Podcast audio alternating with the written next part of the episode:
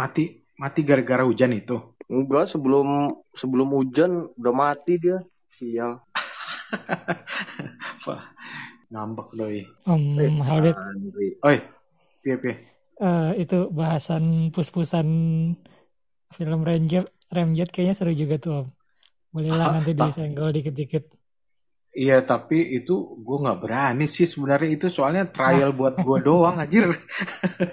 itu asli Iya, nekat kalau Sekadar obrolan bahwa oh bisa loh. Ah, ah, ya, kalau gua sih, kalau buat gua sendiri, kalau gua pakai sih selalu kayak gitu ya. Paling paling kayaknya paling paling pas sekarang tuh ngepush gua dev. Kalau ngepush color kan apalagi film film dari 2011 ya. Aduh, parah men asli itu nggak nggak hampir hampir amburadul pasti warnanya. Terus masih untung kalau ada gambar itu juga. Color cache-nya banyak ya. itu bukan color cast aja sih lebih ke detailnya emang nggak muncul develop war shadownya emang nggak nggak nggak nggak kena Ah, iya iya iya. jadi kayak kontrasnya tinggi banget gitu karena kayak kayak dia nggak berhasil ngangkat develop shadownya lebih lebih mateng gitu keburu highlight sama midtone-nya udah udah kelar Keburu gitu mentok ya. Hmm. Ah, ah. Makanya kemarin tuh gue pas dapat di mana ya dapat lupa lagi gue selalu dapat dari orang sih nggak pernah ngulik sendiri jadi pas oh pas ini pas zaman zamannya Irsan eh, sibuk reversal reversal itu Hmm. Iya. nah gue nyari nyari terus gue ketemu tweet di Flickr itu tentang reversal itu terus dia bilang metodenya dia itu cocok eh, bisa dipakai sepertinya untuk develop eh, push di warna tapi dia pakai sistem flash juga tambahan. Flash tuh jadi eh, lo ngepush misalnya 200 ke 800 atau 1600 gitu. Nanti eh, sebelum dicuci lu flash dulu filmnya pakai pakai pakai teknik flash dicetak itu loh yang lu motret mid gray itu lu turunin 2 3 stop adalah pokoknya teknik flash gitulah Hmm. nah nah itu buat naikin shadownya jadi naikin batas bawah si shadow itu nah gue gua nggak pakai itunya jadi dia cuman ngedevelop awalnya itu pakai rodinal rodinal satu banding 100 dengan alasan buat ngedevelop shadownya itu Mm-mm. Nah, itu gue cobain kemarin. Jadi gue pakein Rodinal 1 banding 100 10 menit. Setelah itu baru gue push pakai pakai si ECN2. Hasilnya lumayan sih, tapi grainy. Ya, cuman shifting colornya nggak jauh banget lah. Nggak ter- masih acceptable lah kalau gue bilang. Kalau lu nggak nggak nggak nggak haram gunain Photoshop, itu gampang banget ngilangin color cast-nya Hmm. color cast ya bukan shifting color kalau gue bilang sih Iya iya. kayak ah, kalau shifting color kan agak rumit ya mainin color balance dia kayak kayak ada selaput selaput warna tambahan gitu kayak kalau lu cuci cempa satu color cast warna hijau gitu kan Mm-mm. nah itu kan lu tinggal kasih filter magenta berapa gitu kelar kan selesai gitu gitu deh Hmm. Hmm. Hmm, kalau ya gitulah trial trial sih Ah, ya. Ada juga pakai hidro hidrogen peroxide. Itu lucu juga tuh. Tapi abis itu developernya harus dibuang. Itu detail di dye-nya lebih cakep lagi kalau buat push. Oh, Ah, itu gue lupa lagi ada sih catatan yang ntar kapan-kapan gue cari tapi kalau langsung dibuang boros dong Om. Pengorbanannya Itu dia enaknya di, di lab.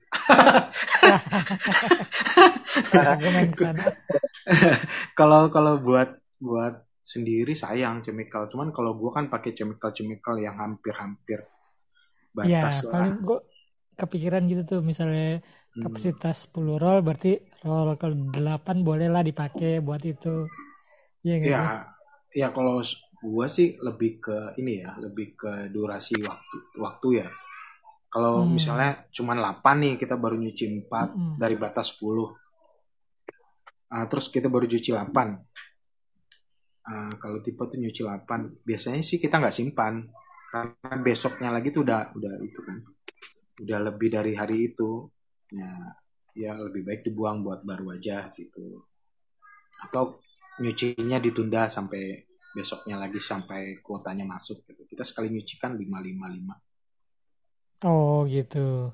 Ah, ah.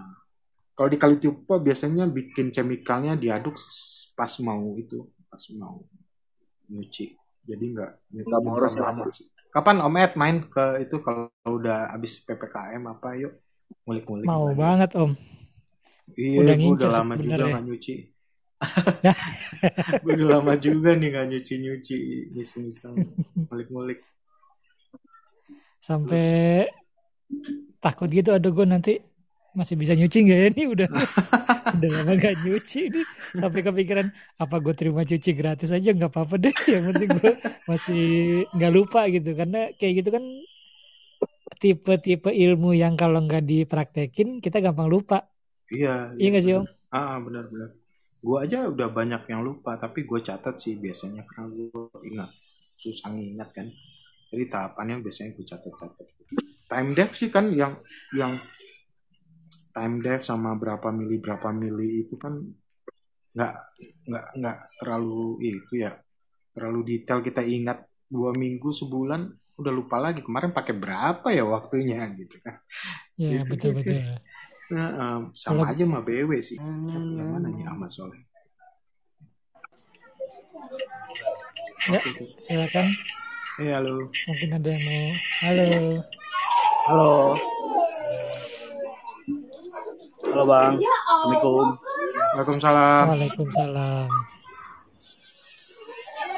Gimana gimana Mas? Sehat. tinggal di mana mat Mau kita mulai jam berapa nih? Om Edi, Om Albert, ya boleh ayo sambil aja kali ya ambil Iya. aja lah ya. Sambil nunggu yang lain lah ya. Nah, Ya lagian kita kan relax santai-santai aja kan, nggak nggak itu itu iya, amat. nggak resmi-resmi amat. Betul. Ah, ah. Bang Ahmad ada yang mau disampaikan? Apa Om Arif mau ke atas Om Arif? Ngobrol nih Om Arif, ini penting sharing.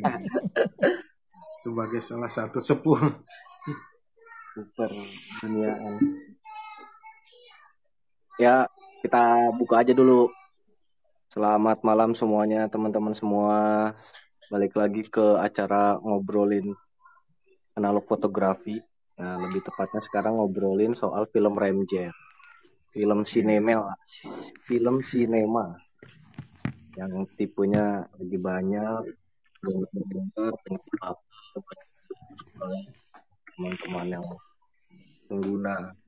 Mungkin Om Albert mau cerita-cerita dulu mungkin atau Nah, Om Albert mungkin buat eh, pembuka boleh ini enggak yang dimaksud dengan film Remjet itu yang mana sih sebenarnya? Ya ya ya ya. Ah, gua ngomong berdasarkan dari apa ya? Mungkin secara global aja dari sudut pandang kalau tipe ya. Iya. Yap. Nah, Oke, jadi kalau kita ya kan kalau basicnya kita tahu lah ya kalau film Remjet itu sebenarnya kan film sinema. Sebenarnya gulungan dari film yang dipakai untuk untuk buat film zaman dulu tuh yang dipakai-pakai buat film. Nah, Buat It- buat movie gitu ya. ya ah sinema. Perbedaan dasarnya ya dari chemical dari emulsi jelas beda. Itu yang satu emang dikhusus eh emang dia dikhusus untuk dibuat untuk dengan menggunakan ECN2. Tapi nantilah itu ya perbedaan yang paling kelihatan mendasar dia dipakai untuk mesin atau kamera untuk eh, merekam beberapa frame sekaligus dalam waktu satu detik. Jadi speednya kencang banget. Jadi riskan ada elektrik, elektrik, baret, gores dan segala macam. Nah si Kodak Vision Kodak Vision atau film sinema itu biasanya dilapisin dengan karbon di bagian atasnya. Di atas bawah tuh ya misalnya emulsi di bagian bawah, atasnya tuh ada karbon. Fungsinya adalah untuk menahan statik dari elek dari moving yang cepat itu biar biar eh, apa nggak ada pancaran elektrik gitu deh yang kena dia untuk ngebatasin itu fungsi utamanya itu terus biar nggak gores baret juga pas di belakang dipakai di mesin itu. Jadi dia yang buat nahan sama buat anti halation halo gitu deh. Nah itu karena film itu kan biasanya pakai lampu yang banyak-banyak tuh gede-gede. Nah saking banyaknya itu lampu terangnya itu lampu dia masuk ke dalam emulsi terus ke belakang mesin terus mantul lagi ke dalam ke dalam emulsinya. Jadi dia bikin kayak efek halo gitu kalau zaman dulu kita motret Lucky laki itu yang laki kan banyak halo ya tuh. Nah kalau kita zaman dulu tuh kalau nyuci Lucky biar nggak halo kata anak-anak itu di belakang back covernya itu kita tutup pakai hitam. Pakai kain hitam atau kertas hitam atau apalah yang doff yang nggak mantulin. Mantulin dari cahaya biar nggak balik lagi ke emulsi buat ngurangin halonya si Lucky. Nah kira-kira prinsip kerjanya seperti itulah. Nah si anti-halation carbon ini itu nggak ada ngaruhnya dengan emulsi. Jadi emulsi ECN2 itu uh, di, dirancang oleh Kodak untuk dicuci dengan ECN2. Jadi pas kita di lab, apalagi ada banyak yang nanya, ini RMJT udah dihilangin bisa dicuci pakai C41 nggak katanya. Jadi kita bilang itu mau ada mau enggak juga bisa dicuci C41. Gue bilang nggak ada hubungan sama emulsi. Gue bilang cuman namanya itu cross process. Gue bilang bisa-bisa aja. Gue bilang gitu. Mau maksudnya apa? Gue bilang ya bisa dicuci C41 nggak ditunggu. Oh nggak bisa karena ini pengerjaannya manual. Kita nggak akan masukin ke mesin. Soalnya beresiko penger karena ngilangin remjet itu kan kalau yang setahu gue sekarang itu masih sistemnya manual. Nah, itu sangat bergantung dengan keahlian orang gitu. Dan itu dikerjain dalam waktu gelap. Ada aja mungkin tersisa sedikit sedikit banyak, apalagi banyak masukin ke mesin bakal ngerusak developer karena kita masukin chemical lain ke dalam chemical. Nah, itu akan berakibat ke orang-orang setelah kita nyuci. Makanya di kalau tipe nggak akan pernah nggak kita nggak terima untuk nyuci film remjet removal ke dalam mesin besar. Mungkin basicnya itu dulu. Ada lagi yang mau ditanya mungkin atau mau dibahas ke arah mana gitu? Halo? Halo. Uh, eh. ya kalau kalau itu kan dari segi dari segi lab kalau dari ya, segi mungkin ah mungkin Om Edi nih yang sering banget nyuci nyuci film sendiri gimana Om sama film film Remjet ini atau film sinema. Eh, nggak uh, beda jauh sih. Uh, yang gue tahu ya memang remjet itu kan lapisan yang di atasnya emulsi di baliknya emulsi uh, tapi gue lebih sering cross pro ke BW jadi hmm. gimana? Deh cross BW juga kadang-kadang nggak perlu remjet removal kan betul dan gue makin ke sini makin ah kayaknya sama aja nggak terlalu pengaruh karena memang tugas dia kan bukan untuk mengubah hasil gambar sebenarnya hmm. jadi tanpa iya. remjet removal pun nggak masalah tapi gue baru baru nyadar belakangan-belakangan ini sih yang gue suka dari film Ramjet Cross Pro ke Black and White sejauh ini gue coba rentang ISO 50 sampai 3200 kan lumayan tuh ya maksudnya. Jauh mas itu mas. Dari satu film gue bisa punya punya dalam tanda kutip ya gue bisa punya film ISO 50 ISO 400 atau yang terakhir gue coba tuh ISO 3200 yang kalau film generiknya tuh apa sih sekarang TMX 3200 udah jarang kan harganya 3200 sama Ilford mahal 3200 banget iya hmm. itu harganya mahal banget kan daripada gue beli itu gue bisa mencapai ISO tersebut dengan Kodak Vision hmm. Tapi memang ya tentu ada effort waktu nyucinya ya. Pasti butuh waktu lebih terutama. Gitu sih. Menurut gue, gue selalu nyaranin maksudnya ini film udah 10 tahun lebih. Ya kita tahu lah rata-rata yang beredar di sini. Eh, halo Om Ruben. beredar di sini eh Indomaret juga sih. 2011-an itu nggak bisa dipungkiri adalah pasti kualitas kalau dicuci warna menurut gue tidak tidak cukup tidak layak untuk effort yang akan gue lakukan gitu jadi kenapa nggak gue pakai jadi BW aja malah lebih fleksibel bisa dapat ISO macem-macem Iya, yang anehnya cuman di eh, mungkin bukan cuman ya. Di Kodak Vision aja tuh. Tiga-tiganya lima eh, sera- 200 terus 250D sama 500T. Tiga-tiganya itu bisa di cross BW dengan hasil yang cukup bagus gitu. Sementara kalau film warna lain tuh kalau di cross ke BW itu asli tipis banget, aneh gitu. gitu. Bentuknya juga enggak Betul, betul. Iya kan, padahal kalau dibilang sih itu basicnya emang dibuat warna loh itu. Kalau yang BW-nya Cinema kan double X ya, sama 3X Cinema Iya. kali. betul Aneh juga tuh emang. gue mau nanya nih pendapat Om Halbert tentang expiry date film Remjet Kodak Vision aja deh ya. Ini Iya, kita iya. batasin Kodak Vision kali ya karena yang masih diproduksi kan Iya, Kodak Vision. Vision generasi ketiga. Iya, betul. Apanya nih? Boleh nggak Iya. Om? Itu kan yang ya kita tahu lah bahwa di kalengnya memang hanya ada production, tanggal produksi tanpa Mm-mm. ada tanggal expire. Nah, menurut Iya. lo gimana Om? Iya kan bi- biasanya kan kalau pabrik buat expired date gitu kan dia sampai tanggal situ berani jamin kalau kualitasnya tidak akan berubah dari yang dia janjiin gitu. Dengan syarat cara penyimpanan lu benar dan segala macam. Selebihnya dari itu dia nggak jamin gitu. Tapi bisa aja masih bisa bertahan terus. Banyak kan di forum-forum orang nyimpan film BW dari tahun jebot tahun 60-an tahun sampai perang dulu juga masih bisa dicuci gitu loh. Nah, si mereka si Ece si Kodak sendiri itu cuma nulis biasanya ya di kaleng itu dia tulis tahun produksi. Nah, yang dapat gue dapat info juga dari teman-teman orang sinema sama orang yang main yang udah lama juga itu juga sebenarnya bukan diproduksi tahun itu. Emulsinya udah dibuat tahun-tahun sebelumnya. Jadi baru dikeluarin tahun itu gitu. Nah, menarik. Nah, ada juga seperti itu gitu pendapatnya. Ya, jadi musuhnya utama dari film yang gue tahu adalah panas ya.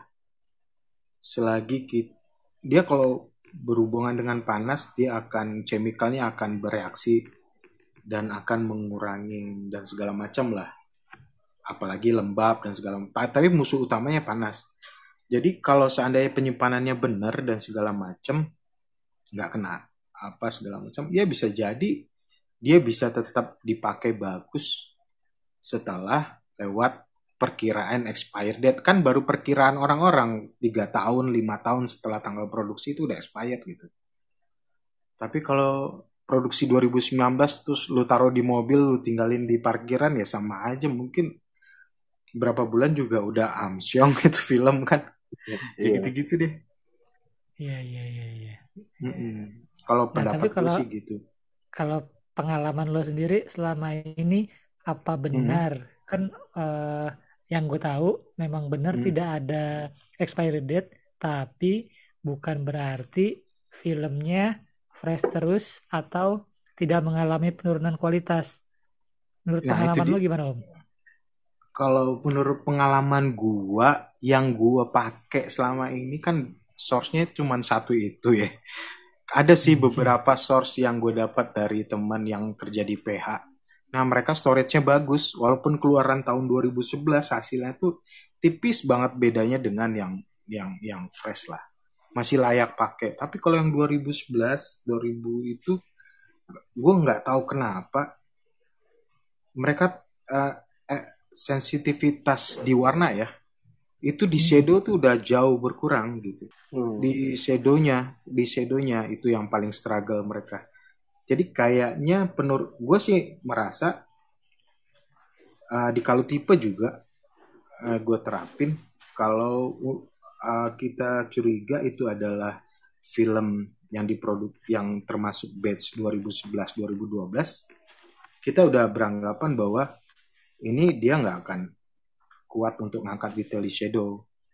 Jadi maka uh, beberapa shoot akan terlihat seperti under under expose gitu. Kompensasi dari kita kita overtime kita kita coba overdevelop. Jadi basicnya si basicnya cucian di kalau tipe itu untuk film-film seperti itu kita overtime buat ngasilin gambar yang menurut kita lebih layak pakai dan lebih generik ya. Karena nanti akan ada koreksi dari scanner. Kalau scanner ya, ngelihat kalau scanner ngelihat filmnya fotonya itu under, udah under, ya nanti dipaksain ya. Bakal dipaksain sama scanner untuk diterangin, makanya abu-abu gitu. Hmm. Terus kayak kayak apa? Kayak terang dipaksain gitu deh. Di kalau tipe sih seperti itu. Makanya itu Berarti mungkin sebenarnya... mungkin gara-gara itu orang make film-film yang 2011 itu di pull ke satu stop ke bawah. Sebenarnya tujuannya mungkin untuk menangkap shadow itu tadi. Jadi untuk untuk biar ada detail di shadownya. Jadi di expose lebih lama jadi yang seharusnya shadow di, di yang bagian shadow itu cukup di expose misalnya 200 speed 200 mereka lamain lagi jadi speed 100 dengan harapan ada detail di shadownya sementara si langit la, latitude longitude apa sih? Kalau di itu tuh di film latitude. itu latitude. film sinema itu kan mampu menahan highlight beberapa stop ya. Karena dia dipakai Betul. untuk sinema jadi kalaupun over ya buat si film sih masih aman gitu. Gue bisa tahan highlight gitu. Jadi kita lebih lebih baik motretnya di dikejar tuh shadownya tapi kalau misalnya gambarnya nggak ada shadow ya nggak perlu juga lu motret di pantai siang-siang cahaya berlimpah ngapain gitu lu pul gitu nggak ada guna juga gitu Berarti sebenarnya uh, film-film yang banyak beredar uh, produksi 2011 itu hmm sudah di tahap butuh kompensasi ya Om. Iya nggak sih? Kan kita tahu ada aturan tak tertulis bahwa setiap 10 tahun turun satu stop. Uh, maksudnya buat biar lebih biar lebih mendingan hasilnya gitu. Ya, ya nggak bisa dipukul rata gitu sih harusnya ya. Cuman ya karena udah majemuk ya. Karena emang udah kesepakatan orang rame ya biar gampangnya itu lu mau ada expired 5 tahun 10 tahun ya udah turunin satu stop 5 ta per 5 tahun lah per, per 10 tahun tapi ya ya harus dicoba sih sebenarnya sih ya jadi lu beli aja iya, dari iya. tempat satu source lu buang satu roll terus lu cuci di mana kalau lu berasa under ya turunin kalau misalnya aman masih di situ ya berarti batch yang itu bagus Bagus, soalnya storage-nya yang gue denger juga nggak seragam mas itu mas. Kita nggak tahu ya om ya. Iya, storage-nya seperti apa? Nih? Ya itu kan tadinya yang gue denger itu nggak di satu tempat storage-nya tersebar dari berbagai macam tempat terus ditarik lagi ke Jakarta gitu. Terus yang yang yang mana nih yang bagian kena matahari, yang mana nih iya. yang benar nyimpanannya kita nggak ada yang tahu. Gitu. Terus pas udah dibeli sama seller, mereka nyimpannya di mana kita juga nggak tahu kan. Mereka udah dapat misalnya dapatnya bagus terus nyimpannya asal, ya hubungannya dengan dengan panas dan segala macam tadi justru menurun kualitasnya setelah dibeli oleh si seller tadi kan bisa aja kan. Oh, iya, iya betul. Iya gitu deh. Makanya harus dicoba sih jadi nggak bisa di dipukul rata seharusnya sih kalau gua ya tergantung di mana nyucinya juga tergantung dapat filmnya dari mana berarti secara nggak langsung justru di situ udah ada penurunan kualitasnya dong om karena mestinya kalau keluaran pabrik kan standar mau cuci di mana pun mau di ya kalau gua sih misalnya... percaya itu ya. Kalau gua sih Nah, kalau dari sisi developmentnya nih Om, hmm. menurut lo yang yang ideal itu seperti apa? Dan yang less ideal tuh misalnya ada keterbatasan bahan itu alternatifnya seperti apa? Uh, tunggu di cross process atau ECN 2 atau gimana atau selain black and white? Selain BW. Okay. Uh, so, uh, itu ECN 2 emang di dari kodaknya sendiri emang emang untuk diproses lewat ECN2 ya. Dan resep develop dari ECN2-nya itu udah di-sharing sama Kodak di situs resminya. Dia ngeluarin ingredient-ingredient, waktu, resep dan segala macamnya di sana. Jadi karena si ECN2-nya sendiri itu kan bentuknya cemik cair ya. Dari Kodaknya itu bukan bukan serbuk. Jadi dia ada batasan, terus kesulitan segala macam mungkin.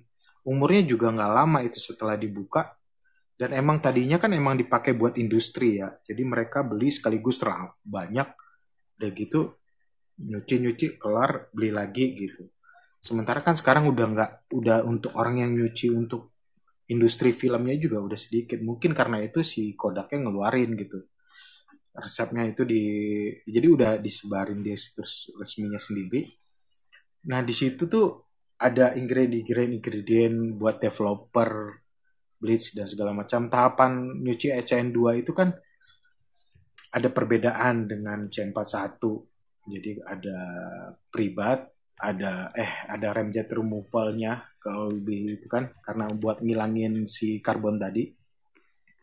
Yang bedain utamanya itu. Terus developernya beda.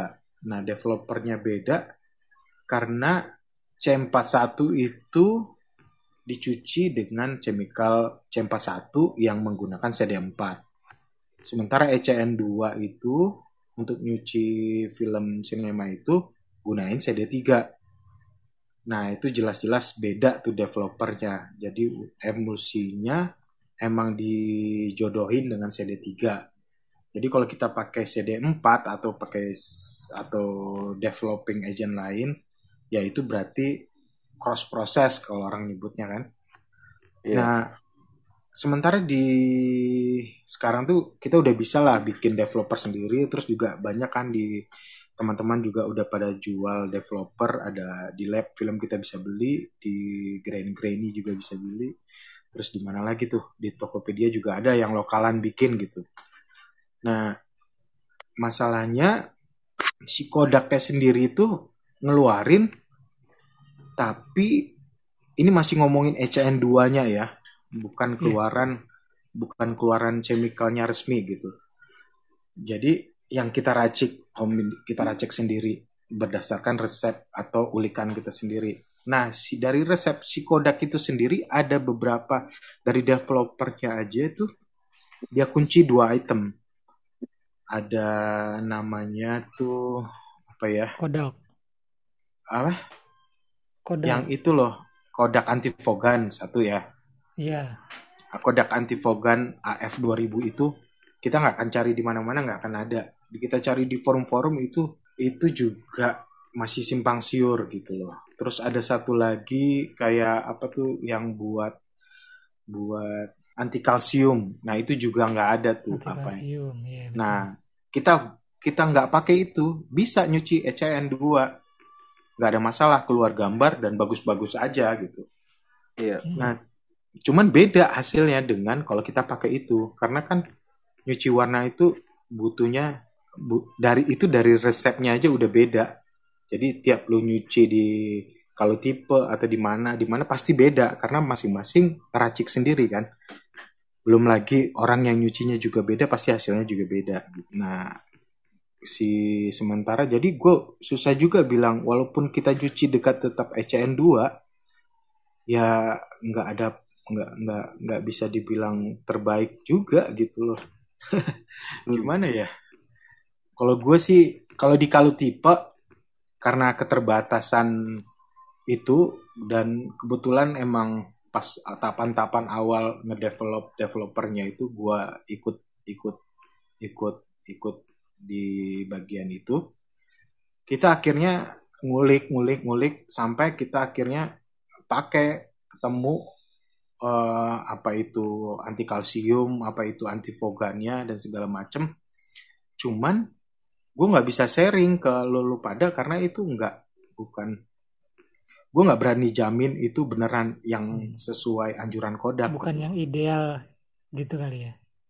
Enggak, enggak ada, enggak ada garansi resmi itu sama dengan yang ya, kod okay. dari Kodak gitu. Tapi menurut gua setelah gua eh menurut kita setelah kita ulik-ulik sekian lama antifogan kan antifogan itu gunanya adalah untuk untuk memberikan kayak apa ya restrainer restrainer itu kayak memenahan menahan ini lebih kalau teknis banget nggak apa-apa nih Nggak Apa? apa-apa. Om. Biar Ah. belajar. jadi jadi ECN2 itu rapid develop jadi dia ngedevelop dengan sangat kencang waktu yang sangat sedikit nah si si kodak antifogan ini gunanya untuk menahan itu menahan itu biar benar-benar terdevelop dengan baik nah efek sampingnya kalau kita gunain dengan tidak gunain kalau yang gua ya se, se apa gua ya jadi warna itu lebih padat gitu loh lebih padat terus bener-bener kayak mateng. Kalau kita cuman masalahnya antifogan itu sangat-sangat berpengaruh terhadap dye. Jadi antifogan tuh ada macam-macam, ada bromide, ada Arif di sini Arif Arif gue tanyain beberapa kali tuh soal itu kan. Ada ada bromide, ada benzotriazole. Nah, itu semua antifogan eh, yang gunanya tuh untuk untuk antifog itu, tapi dia sangat-sangat berpengaruh kalau di warna terhadap tu- eh, tuning tuning hasil akhir gitu. Benzo tuh eh benzo, gue pernah baca forum dari dia si foto engineer itu yang dia kan orang yang termasuk di bagian Kodak untuk ngerancang emulsi Kodak ya. Dia Iya, menyaranin pakai si benzo. PI itu ya. Ya, foto engineer itu kan Dominga. Nah, dia nggak coba lu pakai benzo. Gue cobain tuh benzo. Benzo tuh hasilnya cakep banget, tebel, kontras tajam, grainy-nya oh, pokoknya padet lah. Tapi warnanya meleset jadi warna biru gitu. Nah, Hmm. Cuman kalau ditinggal masuk Photoshop kasih filter sedikit kelar hasilnya wow gitu. Cuman gue kan nggak bisa ngasih konsumen kayak gitu gitu. Kalau Iya, iya. sementara kalau kalau kita koreksi tiap hasil film dari orang kayak gitu ya nggak bisa juga kapan kelarnya gitu. Kita nggak Hmm. sanggup gitu. Jadi ya kita busain seminim mungkin eh, campur tangan aplikasi lain dari dari scanning scanning kita gitu. Cukup selesai di scannernya gitu. Bukan berarti eh, tidak ada campur tangan orang di hasil itu ya murni gitu. Ya enggak lah orang bikin aplikasinya aja udah sesuai settingannya dia belum operatornya juga kan. Tuning Iya. warnanya sesuai selera dia juga kan. Terus eh, makanya gue bilang tuh eh, terakhir kita nemuin satu satu itu ya menurut kita ya kita pakai itulah gitu. Untuk karena menurut kita itu hasil yang lebih generik kelihatannya kelihat lebih lebih natural gitu warnanya udah kita pakai itu gitu. Ya buat kita yang terbaik yang bisa kita lakuin sementara di situ gitu ECN 2 nah kalau kita ah, ah, kalau kita pakai RA4 enaknya lagi itu chemical buatan Kodak. Nggak ya hasilnya konstan pasti gitu-gitu aja. Nah kita eh, bisa ngasih stabilitas yang eh apa kontinit apa sih namanya? Konsisten. Hasil tuh Hmm. benar-benar bisa kita jamin gitu loh. Nah waktu time depth-nya udah kita tentuin chemicalnya juga udah bisa kita pegang nggak akan berubah-ubah karena emang Kodak yang bikin. Dan hasilnya kalau RA4 tuh kalau menurut gua dan Toro tuh kayak yang mendekati mendekati warna yang natural gitu ya. Bukan Oh. ECN ya mendekati Iya. warna natural gitu. Cuman dia nggak stabil kalau menurut gua. Dia kelebihan dia itu dia satu rate-nya tinggi. Kalau cross process ke C41 ke R4 tuh satu nya tinggi. Kontrasnya tinggi jadi kelihatan lebih tajam gitu. Padahal gara-gara kontras sih sebenarnya. Hmm. tapi ya kalau tajam sih nggak nggak tahu ya tapi kalau detail gue rasa lebih detail HN2 cuman kalau HN2 karena emang filmnya didesain untuk di scan ini yang paling penting nih yang buat orang-orang kadang-kadang eh, lupa gitu loh ECN2 itu dibikin tuh untuk sinema, untuk proyektor dan di rescan ulang ke jadi bukan untuk dicetak gitu. Sementara C41 tuh didesain emang untuk dicetak. Nah, Menarik. Oh, nah oke. jadi Jadi gampangnya mungkin eh, film sinema itu dilahirkan untuk ada post pro lagi. Bener nggak Om? Iya, uh, untuk direproduksi lagi ke bentuk yang akan misalnya lu tempelin di proyektor gitu. Nanti itu di scan lagi pakai pakai apa ke film intermediate lagi atau ke mana lah diproses lagi bukan untuk dicetak intinya emang didesain Oh, tuh untuk di, untuk di color grading untuk di segala macam Color grading ya. ya. Mm-mm. nah kalau lu cuci pakai R4 atau C41 itu warnanya udah jadi lu mau edit-edit di Photoshop juga susah gitu udah tipis banget Hmm. gitu udah udah ya udah segitu aja cuman kelebihannya ya udah siap dia siap tampil gitu Eh, udah warnanya udah jadi udah kinclong tajam segala macem. Itu kelebihan cross proses C41 dan R4 ya menurut gua. Kelemahannya mereka nggak stabil kalau menurut gua. Dalam satu roll lu bisa belang-belang apalagi dia sangat-sangat rentan terhadap underexpose R4 apalagi. R4 tuh kalau lu fotonya under lu perhatiin aja shadownya lah. Shadownya pasti cenderung ke warna merah kalau C41 biasanya cenderung ke arah bluish ya nggak tahu deh itu. Kalau yang terbaik bagus atau tidak bagus menurut gue sih selera ya. Kalau tipe punya konsumen yang lebih senang pakai R4 daripada ECN2 ada yang lebih senang pakai C41 ada yang senang pakai ECN tergantung masing-masing orang ya gunanya apa selera sih. Eh, kemarin kan sempat kalau gua nggak salah ingat ya, sempat ada masanya di mana kalau tipe ngumumin eh, bahan ECN kita terbatas nih. Jadi mungkin Iya. bisa pilih salah satu dari tiga. Nah, itu sekarang gimana Om kondisinya? ya sebenarnya kita tuh eh ya gimana ya ECN kita kan dari awal tuh nyucinya nggak pakai ECN terus gua sama Toro bilang kenapa sih kita nggak nyuci pakai ECN2 aja pak? kata dia. Bisa sih tapi chemicalnya dari mana? Terus kita belilah dari grain grain ini waktu itu kita coba. Kosnya nggak masuk. Kita nggak bisa kita cuma bisa bisaan doang tapi terus nggak masuk. Ya lu ulik dong katanya gitu kan. Ya terus gua ulik lah cuman ma- bahan bakunya yang paling susah itu CD3 Iya. CD CD3-nya itu kita nggak gue nggak ada jual di Indonesia kita harus import. Kemarin terakhir pertama gue dapat tuh dari si Fajar waktu itu. Terus kemudian gue dapat dari dari Pay Lab Film. Udah gitu gue nggak punya lagi source-nya. Gue nggak datangin sendiri nggak bisa karena gue nggak ada izin buat datangin chemical. Jadi pas kemarin-kemarin pertama kita cuci pakai ECN2 kita bikin idealisnya kita lah ini yang bener nih ini yang bagus gitu tapi yang nyuci di kita tuh kadang-kadang dia nggak ngerti gitu loh Hmm. perbedaannya apa dan dan mereka harus bayar lebih mahal gitu untuk sesuatu yang sebenarnya mereka nggak butuh gitu. Nggak butuh. Oke. Iya, ah, ah. makanya gue bilang nggak bener juga nih, sayang juga CD3-nya kata si Irsan juga bener juga gue bilang kan, ini barangnya susah gue dapet, terus juga nggak penting-penting amat buat orang-orang tertentu, ya udah gue kasih, gue bilang ya udah CD3-nya, ECN2-nya kita kasih buat orang yang benar-benar pengen aja gitu. Jadi buat orang yang nggak tahu bedanya dan nggak merasa terlalu butuh gitu, kenapa dia harus keluarin duit lebih mahal? Dia bisa keluarin duit yang lebih murah, nyuci pakai C41 tuh hasilnya bagus-bagus juga, R4 juga bagus-bagus aja. Akhirnya ya udah, karena stok CD3 gue udah udah emang sedikit banget gitu.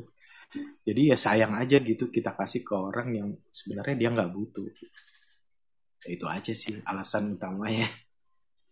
Tapi waktu mau cuci itu kan harus isi form tuh. Emang lo arahin untuk C41 aja atau R4 aja atau gimana Om? Misalnya dia nggak Nah, tadinya gue defaultnya kita kan pertama tuh R4.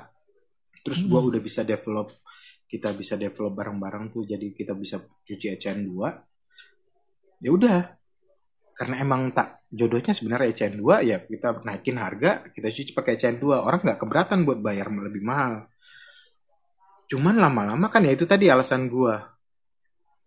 Ya makanya akhirnya ya gue naikin karena keterbatasan stok dan mereka juga nggak butuh gue naikin harganya dan defaultnya gue balikin ke R4 dengan harga gue turunin biar orang sama-sama enak lah gitu maksud gue Iya, iya. Ah, biar konsumen enak gue juga enak gak buang-buang source gitu kan. Dan gue dapat lebih stabil juga Ah, dan gue bisa jamin. Maksud gue ya gue dapat konsistensi hasil lah gitu. Karena walau bagaimanapun kan HN2 itu buatan manual gue gitu. Yang nggak akan bisa gue jamin stabil terus gitu. Tapi so far gue puas sih om dengan cucian HN2 di kalau tipe. waduh segan nih makan di Makanya habis di nih? dihemat-hemat aja om. ya itu dia mak saya maksud gue Jangan Kita juga- kita masih buka tetap tapi ya buat orang yang yang masa butuh lah buat gua gitu toh juga harga yang sekarang itu juga masih kayaknya lebih nggak jauh-jauh banget mahal dengan harga pasar ya cuman buat Ya. Ya sayang sayang aja gitu Oke. Nah, ini eh, pertanyaan yang sering banget di pasti ada aja lah sesekali. Emang film Ramjet eh, nggak boleh dipakai di kamera point and shoot ya? Ya, mungkin coba Om Dion yang jawab atau siapa gitu jangan gua dong Dion, Dion, Dion. gue gue eh, karena jarang karena nggak punya point and shoot yang bener-bener point and shoot gitu ya point and shoot gue tuh cuman Konica C35 pengalaman Wow. gue sih pakai pakai Konica Lo bukannya C35 lengkap T1, T2 sampai T17. Hmm. amin amin amin amin Terus, eh, sih karena gue nggak pernah punya kamera point and shoot ya. Nggak bisa bilang banyak sih tapi kalau di C35 itu Konica C35 so far masih oke sih masih bisa narik masih ya nggak keteteran lah. Cuman berat aja pokoknya. Ya problem utamanya kan di motor kameranya sih sebenarnya. Betul. Karena karbonnya itu karena remjetnya itu bikin filmnya untuk ukuran 36 itu terlalu tebal sementara dia didesain untuk tidak menggunakan remjet kan? Betul. Filmnya Ah, ah, film yang lebih tipis gitu. Apalagi digulung dengan manual gunain kanister bekas deviasinya banyak sekali peluang untuk membuat dia menjadi lebih berat daripada seharusnya. Awal-awal kita nggak jual 36 buat safety konsumen karena kita rasa 27 tuh masih cukup tipis dan gampang di masih agak ringan gitu tapi orang pada protes kok sedikit sih dapatnya? Gitu kok sedikit sih dapatnya? Gitu. Ya jadi ya udah kita bikin 36 namanya juga dagang ya. Iya, iya. terus kalau ada yang nanya ke gue sih mas ini aman nggak buat and shoot ya dicoba sih mas. Kalau berat ya buka buang aja potong gue bilang. Ya sayang kameranya daripada filmnya gue bilang. Mending kayak gitu. Kalau udah takut ya mending buka potong gitu buang Ah, ah. tapi kalau mau lebih aman lu beli 36 lu potong 30 cm ambil roll keluarin 30 cm potong udah pakai deh tuh harusnya jauh lebih ringan gue bilang Eh, Karena ibaratnya eh, sis- motornya sesi kecil nggak bisa dipakai narik yang berat-berat gitu ya. betul Iya. betul Mm-mm. Eh, oh enggak ding pernah ding gue eh, pakai point and shoot itu tapi cuman gue gulung paling 15 frame atau 17 frame sih seinget gue. Itu masih masih sanggup lah motornya buat buat gerak buat jalan. Kemarin juga si Mas Fajar Verket juga ngasih ngasih ngepost Kodak Vision sama sama kamera point and shoot sih. Kemarin gue lihat postingannya menarik juga. Terus kita akhirnya juga ngeluarin yang non remjet kan dengan dengan harapan Iya betul. biar filmnya jadi lebih tipis dan lebih safe buat orang-orang pakai gitu bukan Nah, maksud itu bukan bukan Ini maksudnya nih. bisa dicuci jadi C41 kalau kita ya kita sih biar mereka lebih dapat safety-nya Betul betul betul. Gimana Kenapa, sih om cara remove remove remjet om? Iya, yeah, gue kemarin janji ya buat itu ya. Nah, Ya, di, di, di, di tadi kan gue udah bilang ada Kodak udah ngeluarin semua ingredientnya tuh. Di situ juga ada dimasukin privat. Kalau kita kan buat ngilangin remjet itu, di- remjet itu kan karbon yang ditempelin tuh di atasnya. Nah kita butuh buat caranya ngilangin itu. Nah si Kodak itu buat privat, kita ngilangin itu pakai privat lah, anggap an- remjet removal ya fungsinya sebenarnya bukan benar-benar ngilangin, dia itu cuman ngerusak reaksi kimianya, jadi si karbonnya jadi lembut gitu loh, lunak ya. lunak. Jadi Softening ya Om kalau nggak salah ah fungsinya. softening, soften. Jadi dia tuh dari yang padat jadi renggangin, jadi lebih lembut. Nanti jadi si privat itu nggak nggak nggak akan ngejamin dia langsung hilang gitu, apalagi yang udah tanda kutip expired ya. Ah, si belum tentu pakai itu di develop hilang semua tuh, tetap harus di wipe. Nah, remjet itu bisa dihilangin pas kita develop, bisa juga dihilangin sebelum kita expose. Nah, kemarin kita ngeluarin film yang di removal itu, gue dapet ini di forum ya, maksud gue, eh gue nggak akan, maksud gue ya gimana ya, jadi ya gue balikin buat lagi lah ke ya. orang-orang gitu. Ah, people, da- gue dapat dari orang, gue balikin ke orang-orang lagi. Jadi gue dapat dari CPA ini yang gue si foto engineer tadi yang gue bilang, lu bisa pakai itu si remjet sebelum lu expose. Caranya mereka tuh diskusi dan segala macam. Akhirnya dia ngasih tips yang itu yang gue pakai di di di kalau tipe buat ngilangin remjet. Si privat itu eh lu lu olesin ke bagian remjet. Nah setelah itu dicuci baru hilang kan. Cuman masalahnya si bagian emulsi itu kalau udah kena air atau kena apalagi yang ada mengandung chemical dia akan bereaksi gitu. Seberapa bersih lu bisa nyuci dan tidak terkena dengan tangan itu akan mempengaruhi hasil dari prosesnya. Kalau kita buat pas kita sedang nyuci ECN2 nggak ada campur tangan tangan kita kan di situ semuanya jalan dulu semua prosesnya baru terakhir udah selesai proses develop kita cuci. Jadi nggak begitu pengaruh dari hasil foto sih sebenarnya. Nah kalau riskannya pas belum motret nih kita buang remjet. Gue udah berapa kali nyoba bikin selalu gagal gitu loh nah ternyata kendalanya si bagian emulsinya itu udah udah terkontaminasi dengan chemical yang gue buat. Jadi caranya gampang aja, lu cari aja pribet, pribet, pribet kalau lu nggak punya yang dari Kodak itu kita bisa beli di Grain Grain itu kan dia jual pribet juga, terus di forum-forum juga udah ada yang sharing segala macam. Pokok intinya adalah bagian emulsinya jangan lu sentuh oleh benda apa pun gitu. Ah, di- nggak usah air, nggak usah juga caranya. Apalagi pribetnya caranya ya udah. Kalau gua sih ngajarin ke operator filmnya digantung di tempat terang dulu ambil pribet yang lu biasa pakai. Pribet itu sebenarnya kan kita udah tahu gunanya untuk melembutin jadi nggak boleh lama-lama tuh dia kena jadi lu ambil kain lu lap dulu bagian emulsi bagian bukan emulsi ya. Lu rendam Remjetnya. busa atau kain atau apa pun yang nyerap si chemical itu si remjetnya lu wipe dengan chemical itu satu kali dua kali. Nggak akan hilang. Tapi dia udah basah semua tuh udah udah udah kena chemical itu.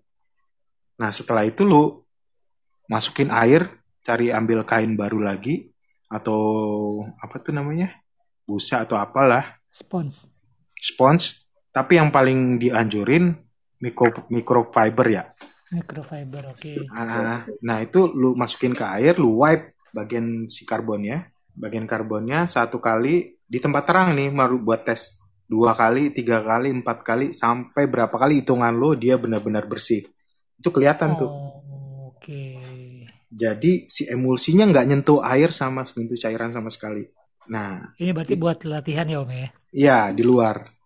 Nah, setelah lu udah apal semuanya, baru lu kerjain di di di darkroom.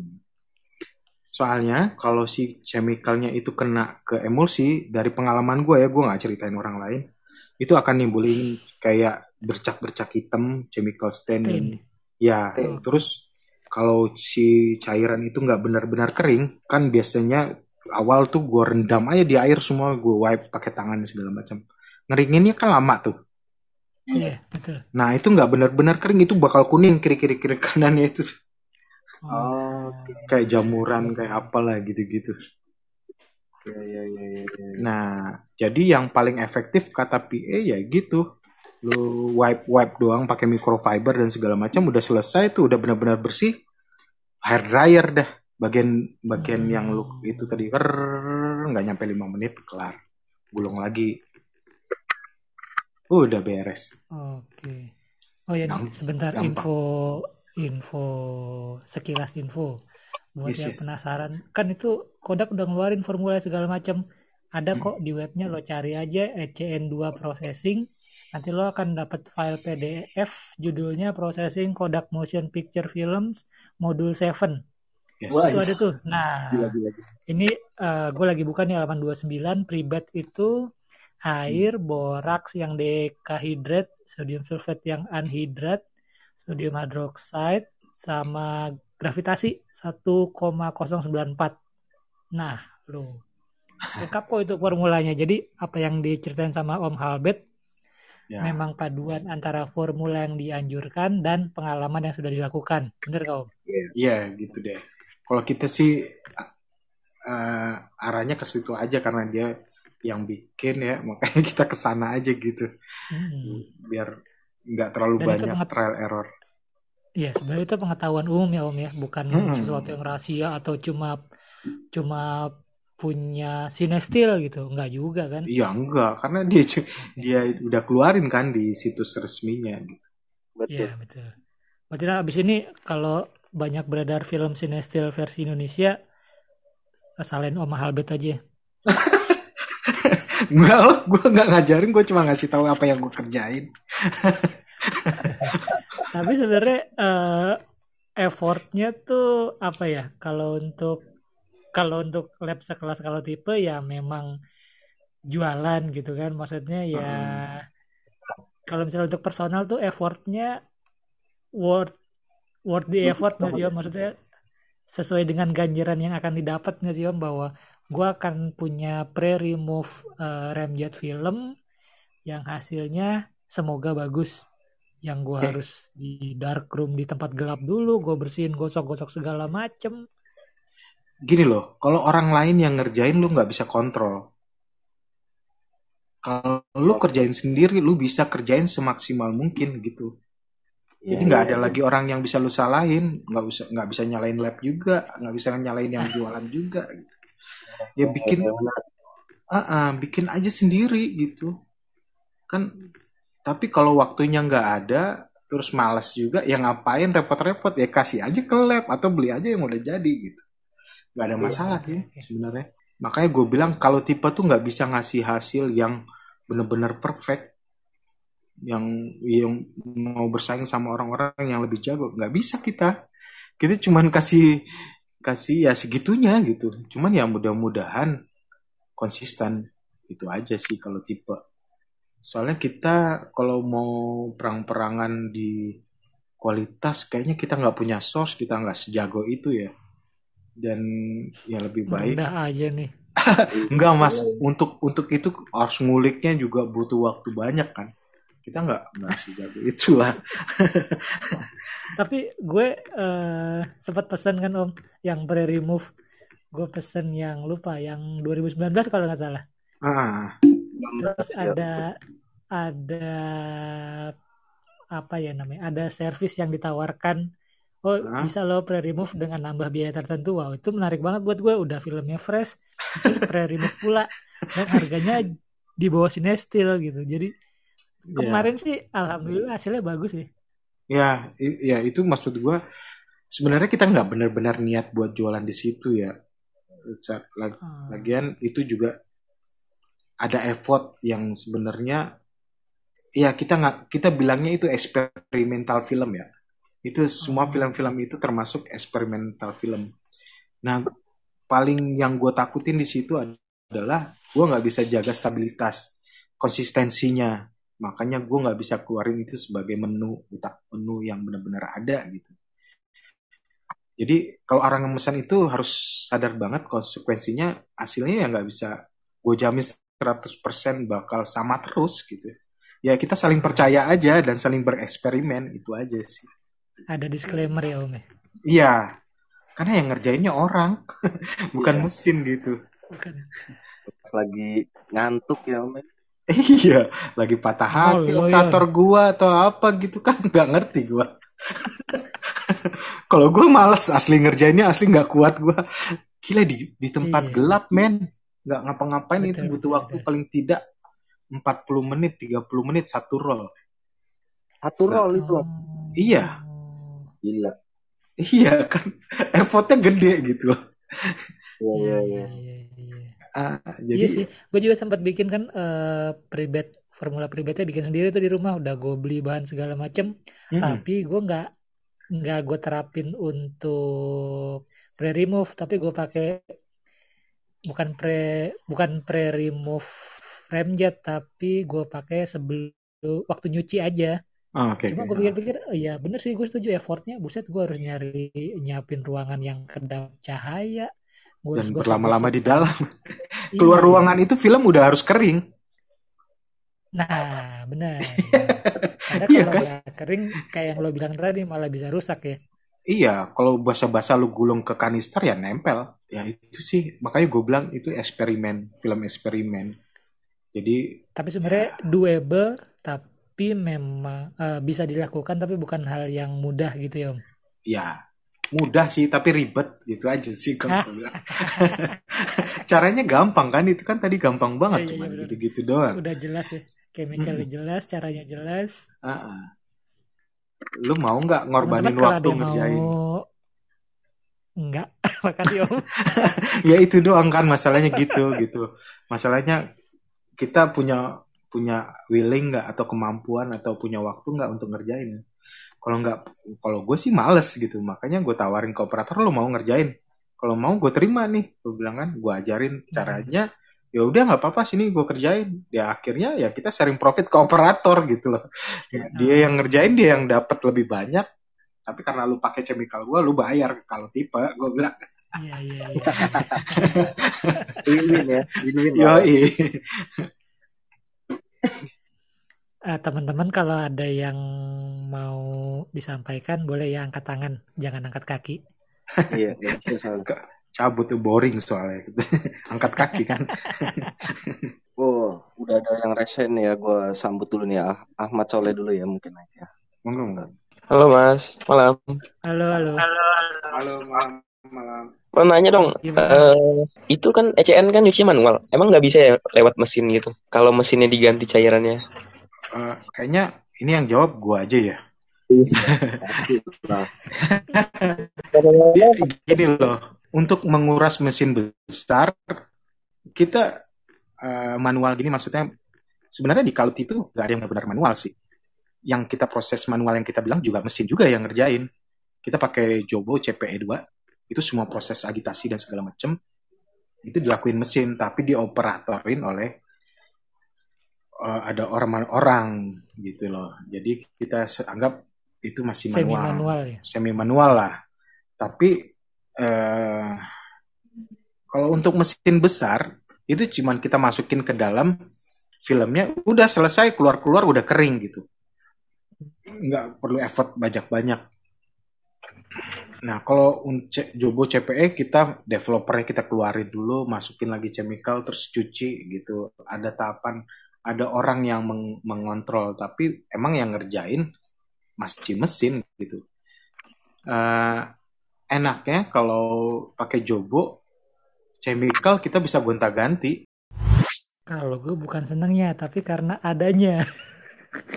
Oh gitu. adanya adanya parodinal terus memang jadi niatnya kan lebih kepada belajar gue ya belajar ulik-ulik segala macem jadi selama ini belum banyak sih yang dicoba paling micro MF parodinal D76 eh lagi senang D23 Eh, kan berarti Iya. udah nyoba beberapa developer dong. Yang menurut tuh yang yang yang yang yang paling paling paling yang lu demen 250 d itu 250D ya. Yang Hmm. tungsten nggak eh, nggak punya. Eh, kalau gue sih suka parodinal atau rodinal itu Hmm. buat push itu enak banget. Yang gue bilang sampai gue pakai ISO 1600 atau 3200 itu pakai parodinal enak. Eh, paling Iya, main iya, di. Lucian nggak bisa 150 harus 100 biar karena kan makin high speed berarti akan butuh dev time lebih lama. Terus Hmm. ditambah di Luciannya harus makin encer 100 itu bisa sejam sendiri tapi bukan stand dev. Nah, seru kan? Oke. Sejam nggak stand dev repotnya gimana tuh? Nah, itu gue pernah D23 itu 50 menit buat ISO 3200 itu beberapa 50 menit yang Gila. yang tiap berapa menit harus digoyang. Ya udah kan risiko penasaran gitu tapi uh, gue ketemu jawabannya minimal. Yes, yes. Menarik, Kalau menarik. kalau lu Yan? Gue 500T, 500T enak pakai DDX sama aku Fine. 200T juga. Itu tapi kalau 50D biasanya pakai Rodinal tuh, Rodinal yang Om Arif buat sama PHD sih paling. Oh, PHD bukan yang Perroket MC ya. Perroket MC belum pernah coba. Iya, iya. iya. Palingnya itu sih. Terus shootnya dicepek. Kalau 160. Oh, di Tapi di pool ya? Iya. Tapi Om Albert, gue penasaran sih sebenarnya gue belum nyoba tuh HC110 sih di 250D. Soalnya waktu itu punya kayaknya eman banget nih dipakai di Ramjet gitu sih. iya, iya. Siapa tahu siapa tahu udah nyoba. Gue pengen tahu doang kayak ini eman banget nih chemical udah jarang ya kan susah. Tapi kok kayak eman banget kok di Ramjet doang. Nah, itu Gue udah keburu habis sih, Im. itu gue Keburu habis gue serius. gue coba tuh. gue lupa lagi hasilnya gimana. itu gue udah es- itu lumayan tahan lama loh itu HC 110. Gue beli pas zamannya Nita masih dicapa tau nggak lo? Iya Di iya belum pasar belum bikin baru. sendiri Teknita. Iya, gue beli di dia tuh HC. Terus gue pakai pas 2008, awal-awal, 9. pas awal-awal kalau tipe itu masih bagus loh hasilnya. Iya, iya, iya. Gue pikir masih gampang dapetin ya kan. Gue cuek aja habis-habisin. Ternyata susah bener setelah itu dong. Enak sih itu HC. Mungkin Mbak Tesi mungkin kapan-kapan mau masukin lagi lah kita berharap. HC lumayan ya. Tapi ini ya formula baru ya katanya. Ayo Mbak, Sini, selamat malam. Dini. Selamat malam. Aku gak ngerti remjet remjetan. Mbak Mbak Tesi kan saksi kita Oh, Mbak iya. buat nyetak Ramjet sampai pagi lagi. Apain sih kalian tuh? Ini bagus-bagus. Eh, eksperimen seru. Di situlah ya serunya main film. Ada aja gitu yang diulik. Eh kalau kalau HC konak HC 110 kan ada Ilford HC sama Hmm. kan? Wah nggak tahu deh tuh. Ilford HC kalau Ilford HC, HC110 ada itu samanya dengan identiknya dengan apa ya? Lupa gue. Ilford Ilfotech HC coba deh. Ilfotech HC betul. Oh ada ya. kalau Ilfotech HC ada gue Oh, ada ya? ada eh tak ya harus by request sih wah ini yang denger berapa orang Oh belum belum muncul di Iya belum dikeluarin di Bukalapak nih. Enggak bukan kalau Asik. kalau chemical kan gue jarang jual gue jualnya udah diencerin kan Hmm. karena karena nggak punya banyak aja sih sebenarnya alasannya itu doang Karena punya banyak jadi biar bagi-bagi gitu itu doang kalau mau ya bisa lah Gitu. Ya, ya, ya. dicoba Bentar, bentar, eh bentar sorry, gue check out dulu nih. gue gue request HC ya mbak. Mbak itu kalau yang udah di delut eh, eh, udah diencerin tahan berapa lama nggak dipakai? sama ini sih dicobain sih sekitar tiga bulanan warnanya masih sama tuh masih bening. Nanti kalau Oh, udah oke, lewat oke, dia oke. udah kelihatan kuning-kuning gitu. Cuman kan sebenarnya ngeceknya tuh bisa pakai ya cek pH apa segala macam gue sih belum nggak aku nggak nggak sempat meriksainnya sih mas nyobain. Terus aku tadi mau nanya apa ya? Lupa deh. Ya udah silakan lanjut lanjut Oh ini defaultnya DDX kan mbak ya DDX 1 plus 4 ya Iya, eh, kan Ilford banyak ya itunya ya. Iya, yang kita pakai sih.